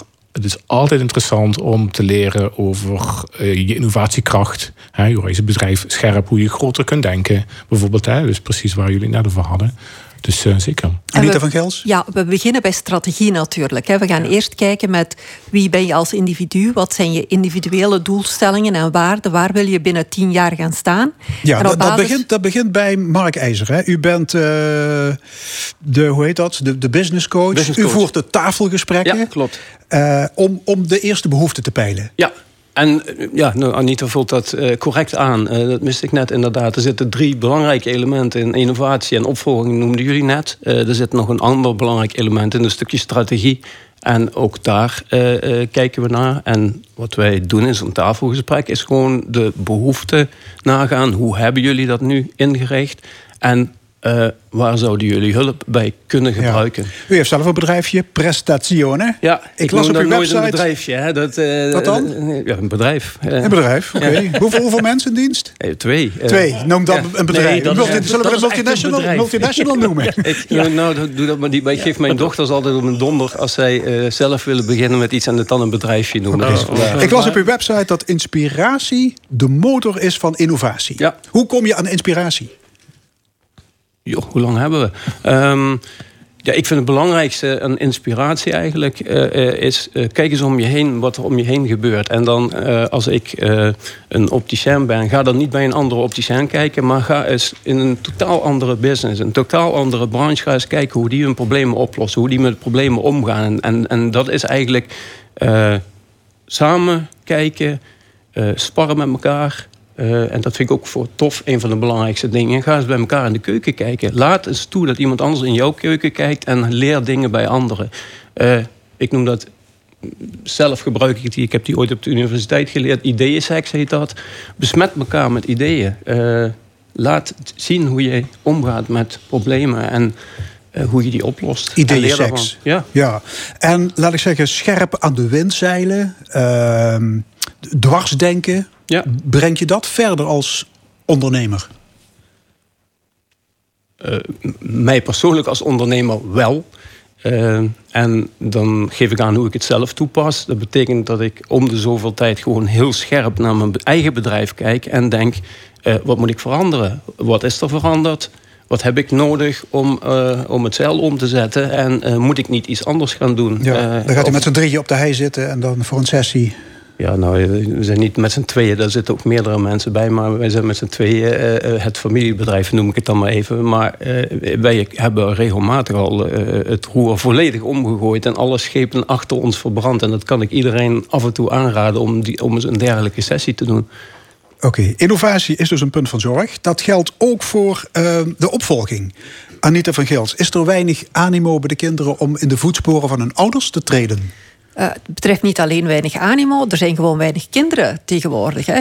Gemiddeld minder dan twee kinderen in een gezin. Dus je hebt niet zoveel keuze meer om, om een opvolger te vinden tegenover Vroeger hadden mensen acht kinderen, tien, twaalf, was er dus altijd wel iemand te het vinden. Het feit dat je daar een competent iemand kon vinden die inderdaad ook die opvolging wou doen. Plus wat je ziet, kinderen hebben meer gestudeerd, uh, verlaten het, het, traditionele dorp en hebben zoiets van, goh, moet ik daar nu terug naartoe om daar een business te gaan verder zetten? Dus dat is heel moeilijk geworden. Dus als je vader een heeft, ik noem maar wat... en je hebt zelf twee linkerhanden... dan heb je geen zin om uh, Zou kunnen, het bedrijf dus, over te nemen. Dus we zien dat ongeveer een derde van de, van de Limburgse familiebedrijven ook aangeeft... wij gaan het op een gegeven moment moeten verkopen. Een derde ja, heeft inderdaad. geen opvolging. Klopt, geen opvolger inderdaad. op het oog. Klopt. Hebben we het dan over het begin van het einde van de familiebedrijven? Uh, nee, dat denk ik niet. Want je ziet dat er heel veel familiebedrijven gewoon in schaal vergroten. En er worden heel veel overnames gedaan van familiebedrijven door grotere familiebedrijven. Dus we krijgen schaalvergroting uh, binnen de familiebedrijven, die dus wel heel ambitieus zijn, die wel opvolging hebben. Uh, maar natuurlijk, uh, we, we, doen met de universiteit en de provincie Limburg op regelmatige basis een onderzoek bij familiebedrijven. En wat we zien is dat uh, diegenen die willen verkopen, dat die tot een jaar voordat ze willen verkopen eigenlijk nog niet eens een idee hebben van de waarde van hun bedrijf. En daar willen we met TOF natuurlijk ook naar gaan kijken van hoe bereid je je daarop voor. En daarnaast, op het moment dat je wel een opvolger hebt, heb je natuurlijk heel vaak dat kinderen andere studies hebben gedaan, hebben andere ideeën, willen snel gaan vernieuwen in dat familiebedrijf, terwijl de vorige generatie zegt, ja, maar we hebben het altijd zo gedaan. Waarom zouden we nu ineens moeten gaan vernieuwen? Ja, als ondernemer ben je gewoon zeven dagen in de week bezig. Ja. Dus het is een hele verantwoordelijkheid. Klopt. En dan, dan moet je eigenlijk voor in de wieg gelegd zijn, toch? Ja. Voor, dit, voor dat vak. Ja, dat zie je dus ook bij succesvolle familiebedrijven. Dat kinderen eigenlijk, ja, je krijgt dat qua socialisatie, krijg je dat mee. Je spreekt daar thuis met je ouders over aan de keukentafel. Um, vervolgens is het ook belangrijk van wanneer ga je als ouders communiceren over wat je wil. Ga je het eigendom alleen doorzetten naar de familie en ga je daar toch een externe manager vanuit het bedrijf bij zetten? Of hebben kinderen ook ambitie dan vervolgens om ook een, een ja, leiderschapsfunctie in het bedrijf te gaan opnemen? Dus belangrijke discussies waar ze het heel erg moeilijk mee hebben om dat te gaan opstarten. En dat hopen we met, met TOF te faciliteren. Martijn Hermans, de beta-directie is nog piepjong. Maar toch, wordt al uh, nagedacht over de opvolging? Nou, even beginnen. Ik, ben nu, uh, ik, heb, ik heb dan tienerdochters. Uh, mijn broer heeft nog een, nog een kleuter. en ik zou het wel heel erg leuk vinden als ze in het bedrijf komen werken. Maar opvolging, dat moeten wel competente mensen zijn. En wie zegt dat, dat mijn dochters of onze kinderen competent genoeg zijn? Omdat, kijk, je bouwt, je bouwt je hele bedrijf. Hè, je bouwt aan, in ons geval, wij zijn een dienstenbedrijf. Dus je moet het hebben van de mensen. En het enige waar je op selecteert is kwaliteit. Zijn ze goed genoeg? Hè? En kan ik ook iets van ze leren? Ehm, en dat zijn volgens mij zoveel valkuilen in, in familiebedrijven. Als ik dan verhalen hoor dan van, van collega's. Of dat uh, ook nog andere familiebedrijven in het bedrijf uh, uh, stappen. En dat je dan op een gegeven moment overzicht kwijt bent. Dat is even een eerste reactie. Zijn we bezig met opvolging? ik vind hoe jong je ook bent, ik vind dat je altijd bezig moet zijn met opvolging. Um, um, maar nogmaals, wij kiezen er nu voor om dat niet met de bril van een familiebedrijf te bekijken, maar gewoon, gewoon een normaal bedrijf. En uh, er zijn mensen die misschien, stel wij willen eruit of wij moeten eruit, maakt niet zoveel uit, die dat bedrijf kunnen voortzetten. Ja, waarom is het eigenlijk een probleem? Want als er geen dochter of zoon is die de zaak wil voortzetten, dan verkoop je de tent toch?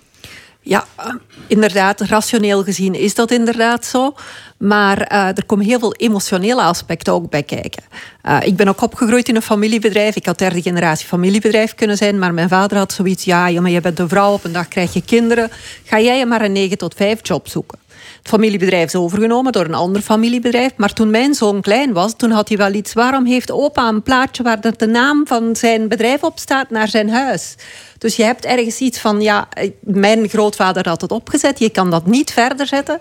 En dat is toch wel jammer. En mijn ouders hebben het verkocht, maar hebben daarna toch ook zoiets gehad van wat we misschien ja. toch anders moeten bekijken. Maar ja, je kunt toch moeilijk een, een, een zaak overnemen uit sentimentele redenen. Nee, maar ik was ook gemotiveerd. Ik, nee, oké, okay, dat is een ander verhaal. Maar ja. wat je heel vaak hebt bij die kleine bedrijven, hè, ze zijn onvoldoende omringd geweest om ervoor te zorgen dat ze klaar waren voor die overdracht. Heel vaak zit het kapitaal in dat bedrijf en hebben ze dat kapitaal nodig om met pensioen te kunnen gaan. Want ze hebben de financiële ja, middelen ja, nodig. Dus dan is er wel een noodzaak. En als je dat beter voorbereidt, dan denk je dat je veel langer kan doorgaan. Nu is Trots op familiebedrijven een co-productie van MKB Limburg, provincie en Universiteit Maastricht. Is het een taak van de universiteit om ondernemers te helpen? Um, de taak van de universiteit is methoden te gaan ontwikkelen waardoor uiteindelijk familiebedrijven beter geholpen kunnen worden. Dus dit is een pilot waarin we met een vijftigtal bedrijven masterclasses gaan opzetten. We willen daaruit leren en we willen daar een methode uh, voor gaan ontwikkelen die daarna door de coaches en de consultants kan verder overgenomen worden. Onze doelstelling is ook heel erg een community van kleine familiebedrijven te gaan opbouwen. Want bij MKB Limburg is heel erg aangegeven van god, die grotere familiebedrijven in Limburg, die hebben al wel een groepering, maar we willen ook die community gaan opzetten en verder uitbouwen. Zodanig dat we ook later nog masterclasses en dergelijke kunnen geven om ja, met ja. die familiebedrijven. Ja, en dat kost dan 1000 euro per, per bedrijf, ja, als dat, je je aanmeldt ja. bij TOF. Ja. Hoe groot is de animo, tot slot? Uh, we starten nu in juni met een eerste groep. We hebben nog twee sessies voor uh, de zomer. En we starten in september met een tweede groep. Dus we krijgen veel aanmeldingen. Hartelijk dank. Anita van Gils, Mark IJzer en Martijn Hermans. Dank jullie zeer. Tot één uur is dit nog de stemming. Zometeen het panel over actuele zaken van afgelopen week. Maar nu eerst de column van Jos van Wersch. Oh, sorry. Muziek.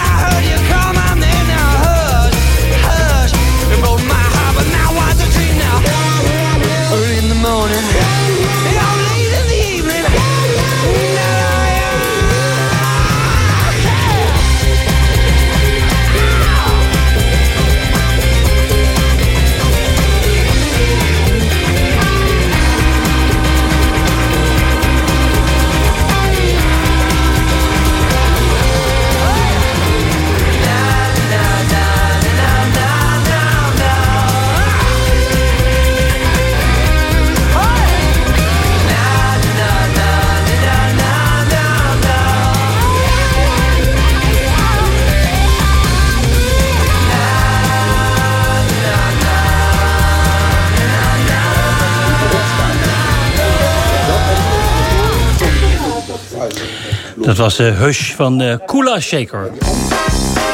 De column. Vandaag met Jos van Wersch. Terwijl de papierversnipperaar in het gouvernement nog bezig is met het vliegveldrapport van Pieter van Geel, heeft ook Hele en Klusjersman ingevlogen. Niet van het CDA, maar eentje van de PvdA. En ook die komt straks bij een rapport waar niemand de raad mee weet. In Heerlen hebben ze de lat hoger gelegd dan de Lange Jan. BNW van Heerlen met staatsman Roelwever voorop... is apetrots dat zijn voormalige vicepremier hebben gestrikt. Dan heb je niet alleen de hoofdprijs, die betaal je ook in dit geval aan Lodewijk Asscher. Deze Amsterdammer is na zijn Rise and Fall gestart als kwartiermaker van het zogeheten stedelijk vernieuwingsprogramma Heerlen Noord. Voor Lodewijk is hele terra incognita. Niet helemaal, want hij heeft er ooit rode rozen uitgedeeld.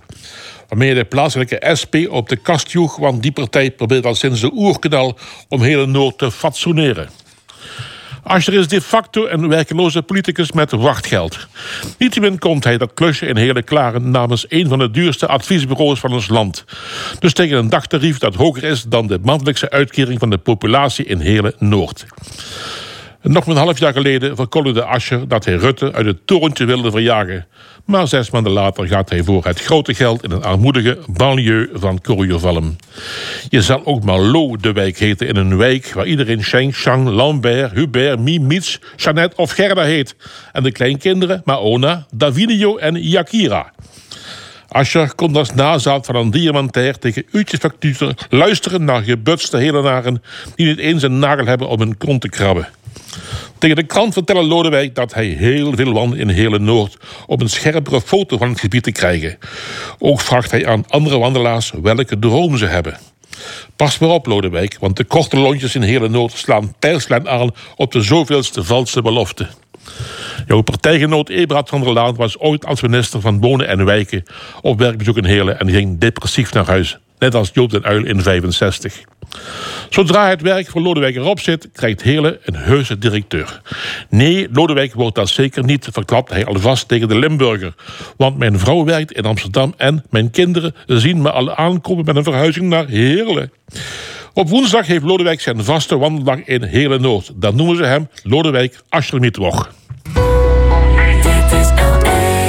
De column was dat van Jos van Wersch.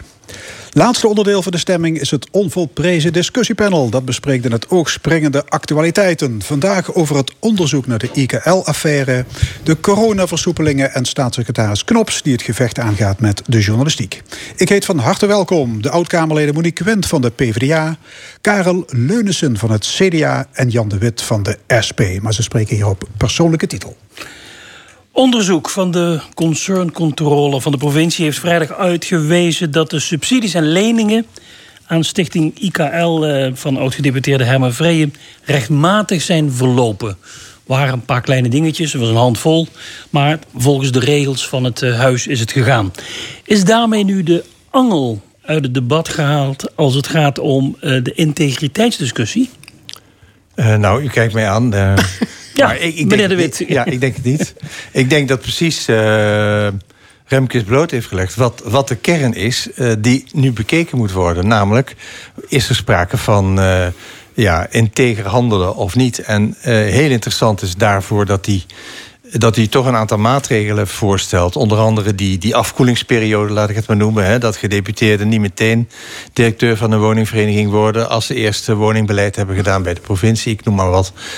Uh, dus die, die afkoelingsperiode is belangrijk. Maar nog belangrijker is, denk ik, waar we het al eerder hier ook aan deze tafel over gehad hebben. Is er nou nooit iemand op het idee gekomen bij de provincie om, om eens na te denken: God, er gaat toch wel veel geld uh, richting uh, al die organisaties waar uh, meneer Vrehen bij betrokken ja, is. Maar, en als, dat is... maar als dat veel geld is en het is rechtmatig zo wat, ja. dan was nou, het veel ja, geld. Nou, nee, maar daarmee is dus de zaak juist, juist niet afgedaan. He, dus je kunt wel zeggen, er is een aanvraag gedaan. Het is aanbesteed. Het is uh, in de boeken gezet. En het klopt.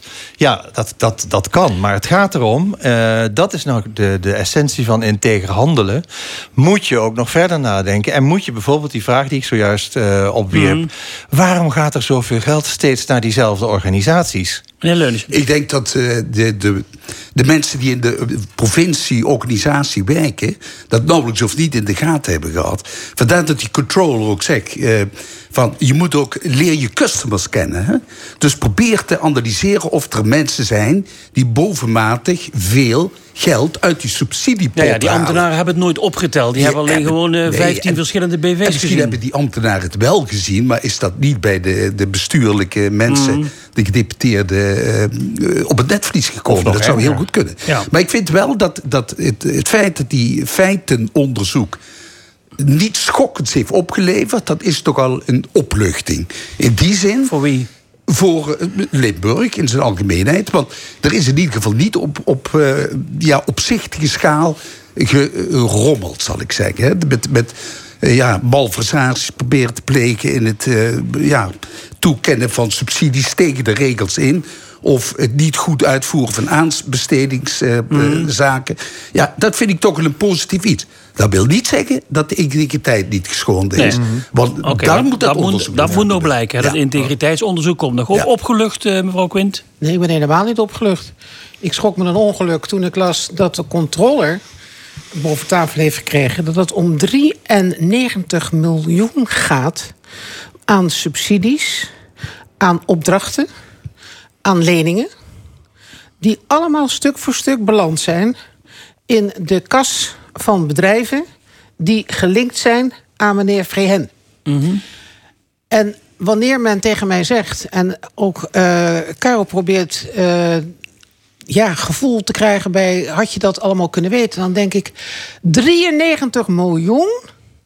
En je kijkt nooit naar de namen van raden van toezicht, commissarissen, raden van bestuur, et cetera, et cetera, van de bedrijven waar al dat geld heen gaat.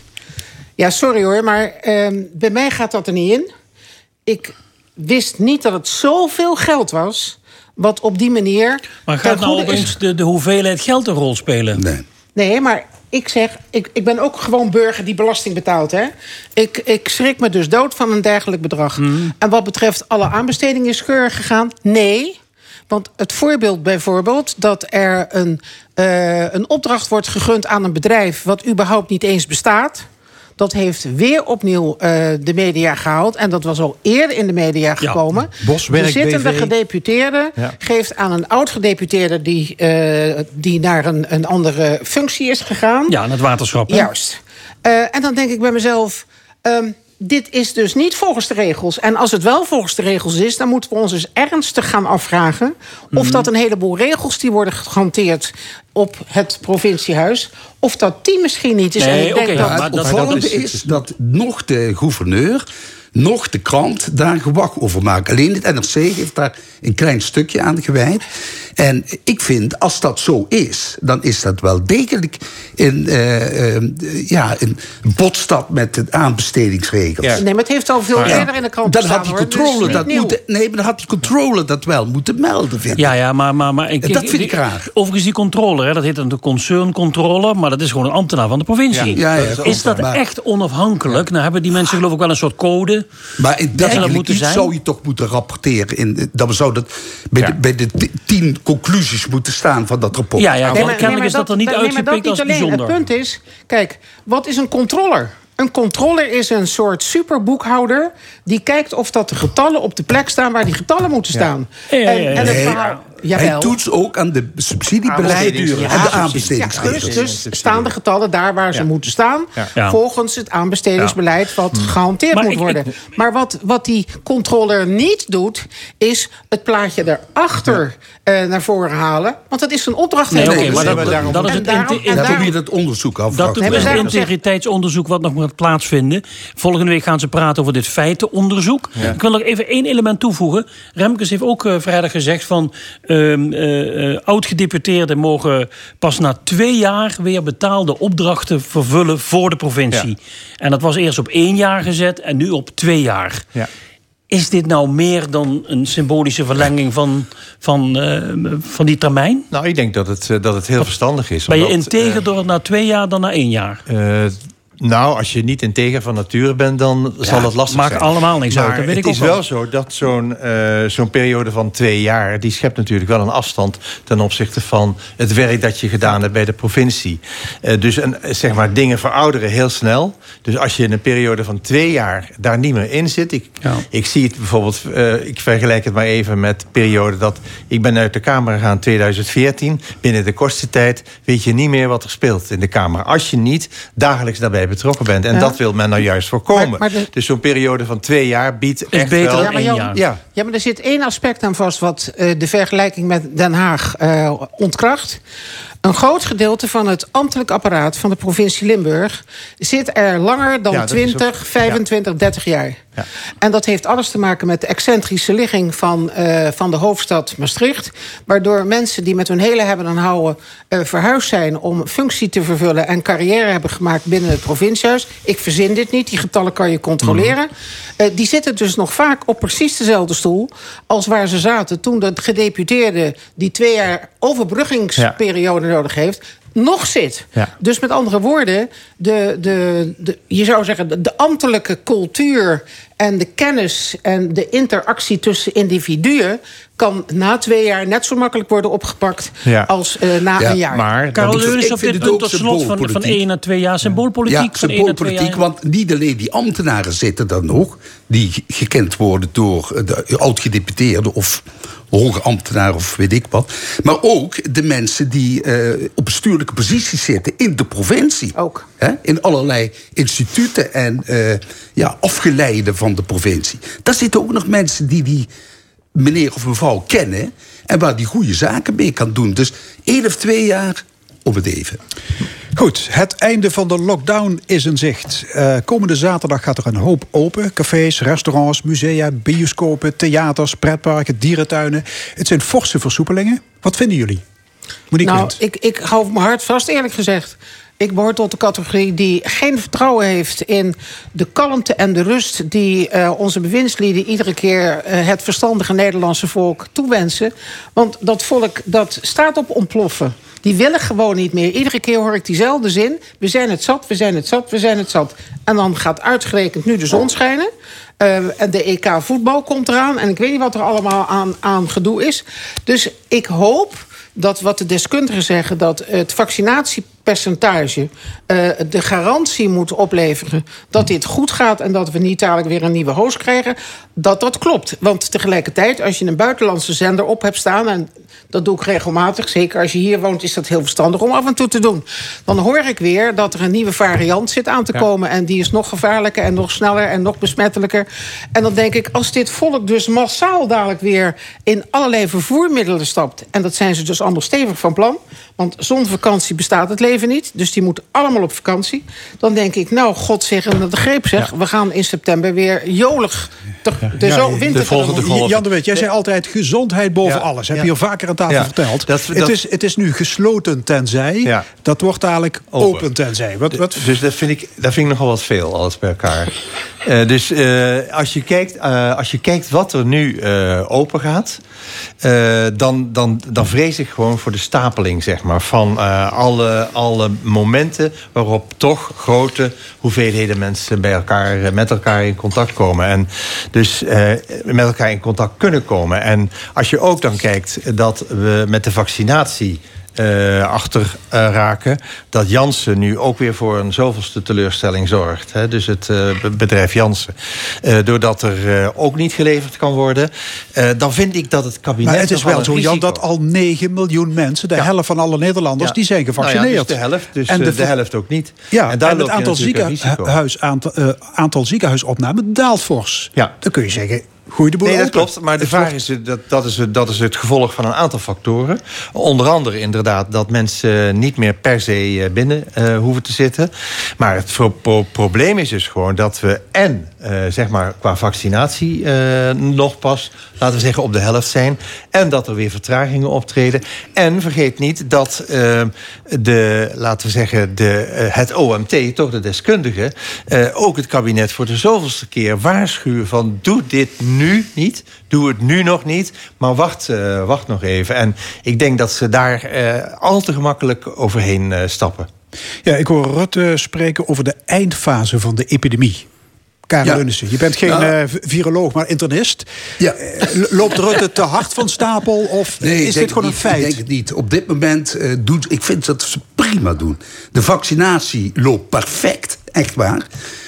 Voor half juli, met die eh, vertraging van Jans eh, Ja. vaccin, eh, heeft iedereen een eerste prik gehad. En voor, eind september, voor 1 september is iedereen volledig gevaccineerd, ieder volwassene. Dus dat is perfect wat dat betreft. En dat zie je ook in de ziekenhuisgetallen.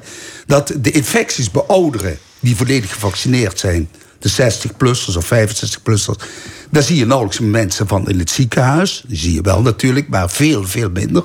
Nu zie je veel meer de 50ers. Maar de 50ers die zijn nu ook al grotendeels gevaccineerd. Dus Kortom, je hebt er het volste vertrouwen ik in? heb er volste vertrouwen in dat de, de stappenplan... dat ze nu een beetje eh, versnellen, zal ik zeggen... die invoering daarvan, dat dat goed landt. Maar neem nu het, Maar het dat middelbaar onderwijs. Ja, dat, Jan- houdt- Jan de dat Wet, eh, onverlet dat het punt van de nieuwe varianten... Ja. die na de zomer weer de kop op kunnen steken... dat dat wel degelijk nog aanwezig is. Ja, die- die en is er nu zullen al, ze beleid op moeten maken. En die, en die is er nu al. En, eh, en met name, wie Ja. gaan er op vakantie? Ja. Niet die degelijke ouwetjes die hier aan tafel zitten. Want die denken, nou, ik wacht nog eh, liever eventjes voordat ik dat doe. Maar al die hordes, juist waaronder nog een groot percentage niet gevaccineerd is. En dan heb ik het nog niet over de landen waar ze naartoe gaan... of de wijken waarin ze gaan rondrennen. Want er, met name, het is voor de zoveelste keer weer bewezen... als er een grote wereldramp plaatsvindt... dan trekken altijd de arme landen aan Kortste de eind. kortste eindjes. Dus daar is een zeer groot probleem. Daar zijn heel veel mensen überhaupt niet gevaccineerd. Zijn over het algemeen ook nog verstoken van gezond voedsel... en god mag weten wat allemaal. Dus als wij Nederlanders weer denken... de hele wereld is van ons en we zijn weer overal te vinden... want dat weten we, hè, Nederlanders zijn altijd overal te vinden... dan denk ik, nou, wat komt er dan terug dadelijk? Ja. Maar Maar ja, dat is de wat langere termijn. Hè? Maar neem nu dus de middelbare scholen. Die moeten dan open. Nu, wat is het nieuws vanmorgen? Meteen... Het merendeel van de middelbare scholen die zegt... ja, maar dit, eh, dit zien Gaan wij dus niet zitten vanwege het feit... en daar zit natuurlijk toch een punt, Karel... waar je ook wat de vaccinatie toch enige eh, terughoudendheid moet hebben. Die leraren die zijn niet gevaccineerd. Ah, het grootste deel een wel, hè?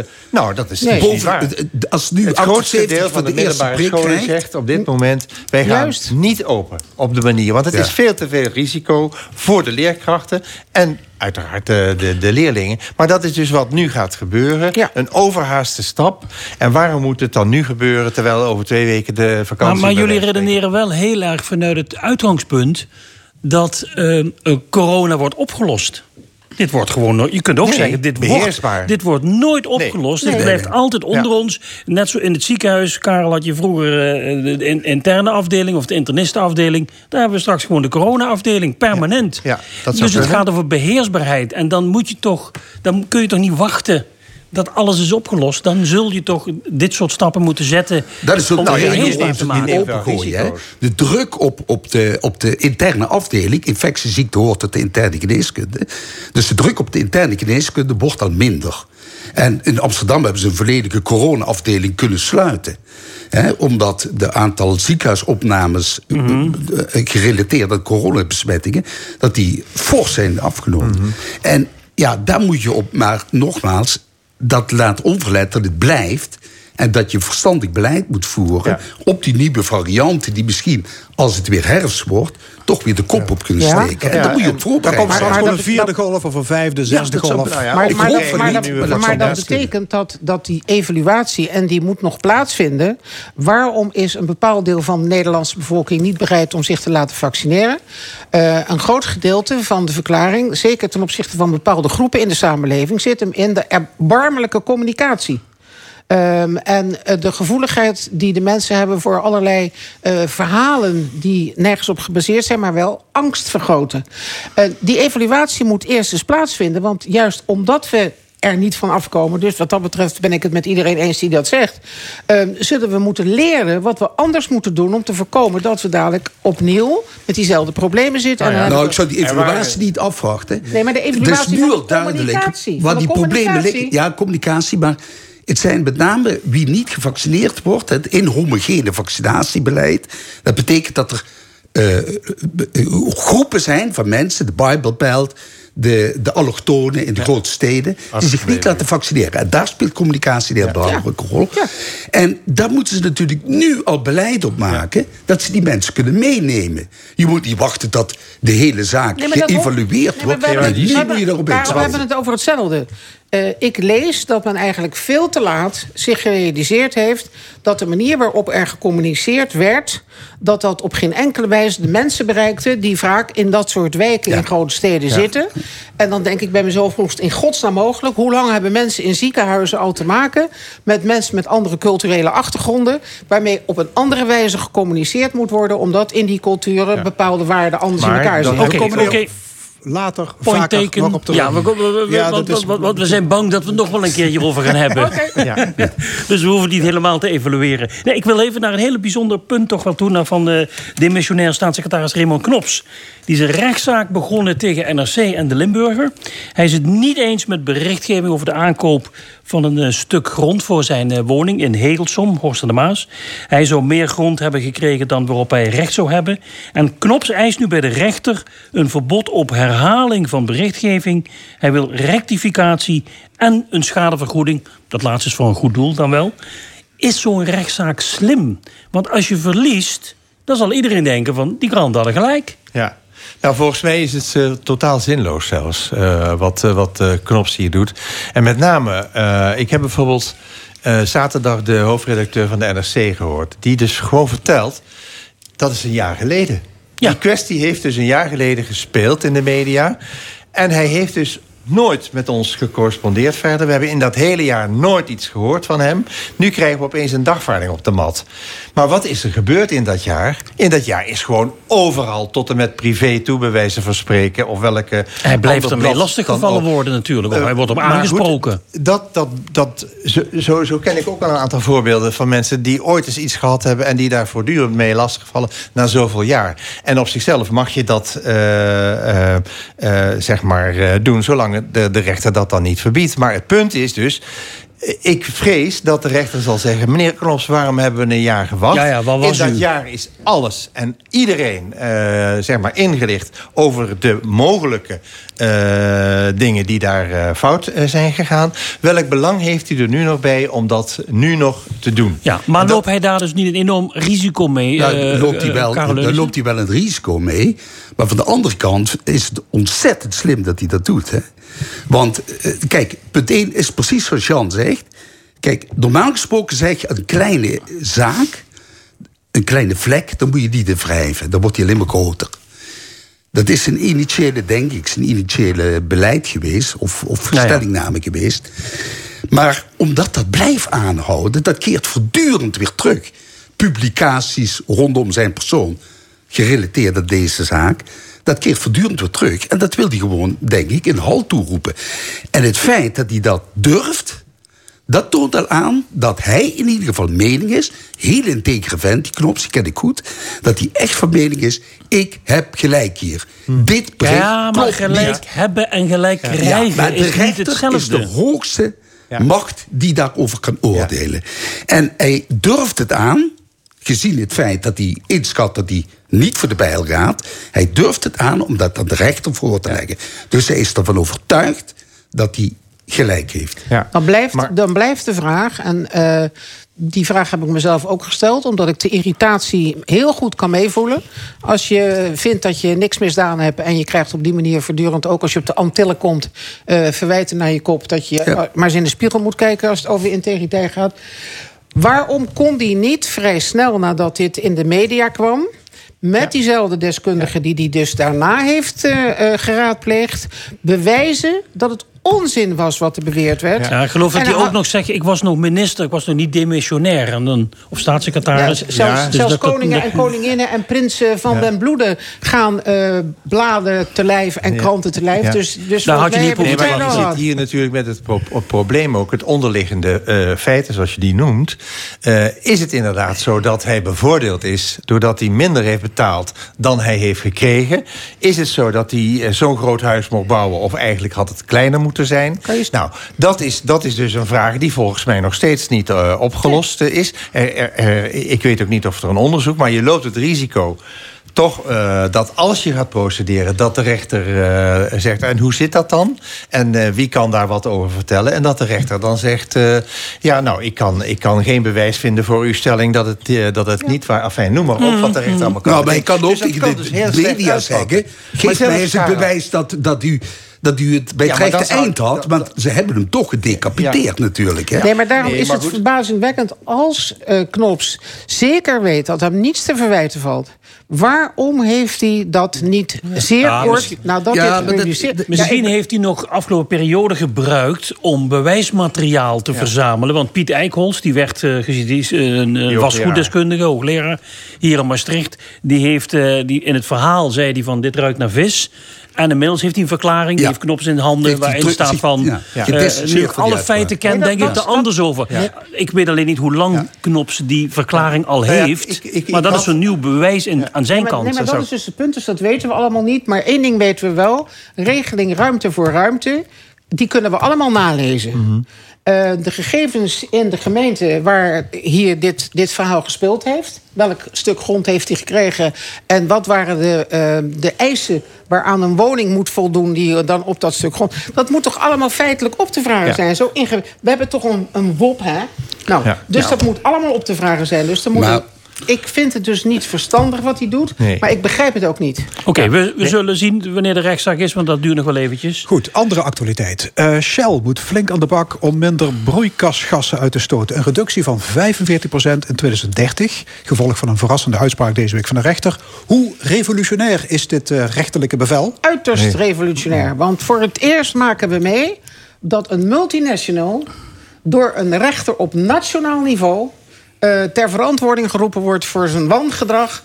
Uh, zich beroepend op het feit dat er een, een, een, overeenkomst is gesloten, het akkoord van Parijs, waar nationale overheden zich gebonden hebben aan. En als blijkt dat de uitstoot van één multinational dus groter is dan van heel Nederland, dan is hier dus sprake van een, uh, een schade aan het milieu... die dus groter is dan het belang van, uh, van het bedrijf. Nou, en kunnen, kunnen, kunnen andere... Kun, ja, mensenrechten, ja. precies. Maar kunnen andere... Ja, dat is de juridische basis. Hè? Ja. Die rechter heeft die uitspraak gedaan... omdat er een schending is van de EF, EFRM. Ja. Van het Europees Verdrag voor de Rechten van de Mens. Een stabiel klimaat is een mensenrecht. Altijd. Dat kun je altijd toepassen, die EVRM. Maar... En dat vind ik dus het, uh, het linken aan dit geheel. Dat zo'n lage rechter daar een uitspraak over doet. Omdat, ja, de temperatuurverhoging van de aardbol... die leidt natuurlijk tot schade aan de mens en onveiligheid... en weet ik wat al niet meer. En toen zegt hij van, ja, dan moet u repareren... Uh, bedrijf Shell. Ja, nou, en dat, het, gaat, gaat natuurlijk niet alleen om Shell. Hè, want nee, er maar, maar kunnen, kunnen, andere bedrijven hun borst nat maken, precies. Jan? Ja, dus uh, sowieso. Dat, uh, ik denk dat deze uitspraak... want zeg maar de schending van de mensenrechten... op het moment dat je CO2 uitstoot... Uh, tast je daarmee het klimaat fundamenteel aan. En betekent dat dus in de visie van deze rechter... een schending van mensenrechten... die je dus verplicht moet repareren. Maar er staat ook nog wat anders bij. Dus ook bedrijven, zoals toeleveringsbedrijven... of bedrijven waar Shell mee te maken heeft... die moeten hetzelfde nastreven. Ja. En dat is dan als een inspanningsverplichting. inspanningsverplichting. Plus de consumenten ook nog eens een keer moeten beschermd worden. Dus wat je ziet is dat nu een aantal bedrijven al hem zitten te knijpen.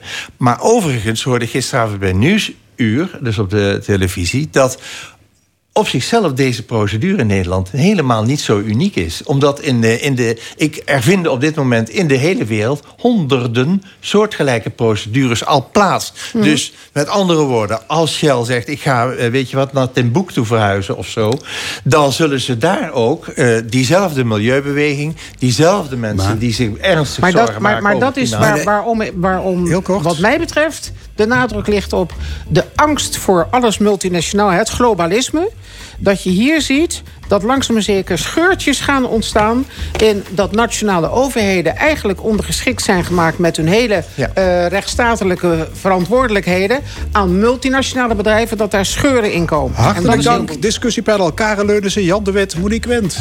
Dit was de stemming, vandaag gemaakt door Erwin Jacob, Angeel Zwarts... Fons Gerards en Leo Houber. Graag tot volgende week zondag 11 uur. En dit programma wordt herhaald maandagavond om 8 uur. En is ook na te luisteren op onze website l1.nl en via Spotify en podcast. Ik wens u nog een hele mooie zondag.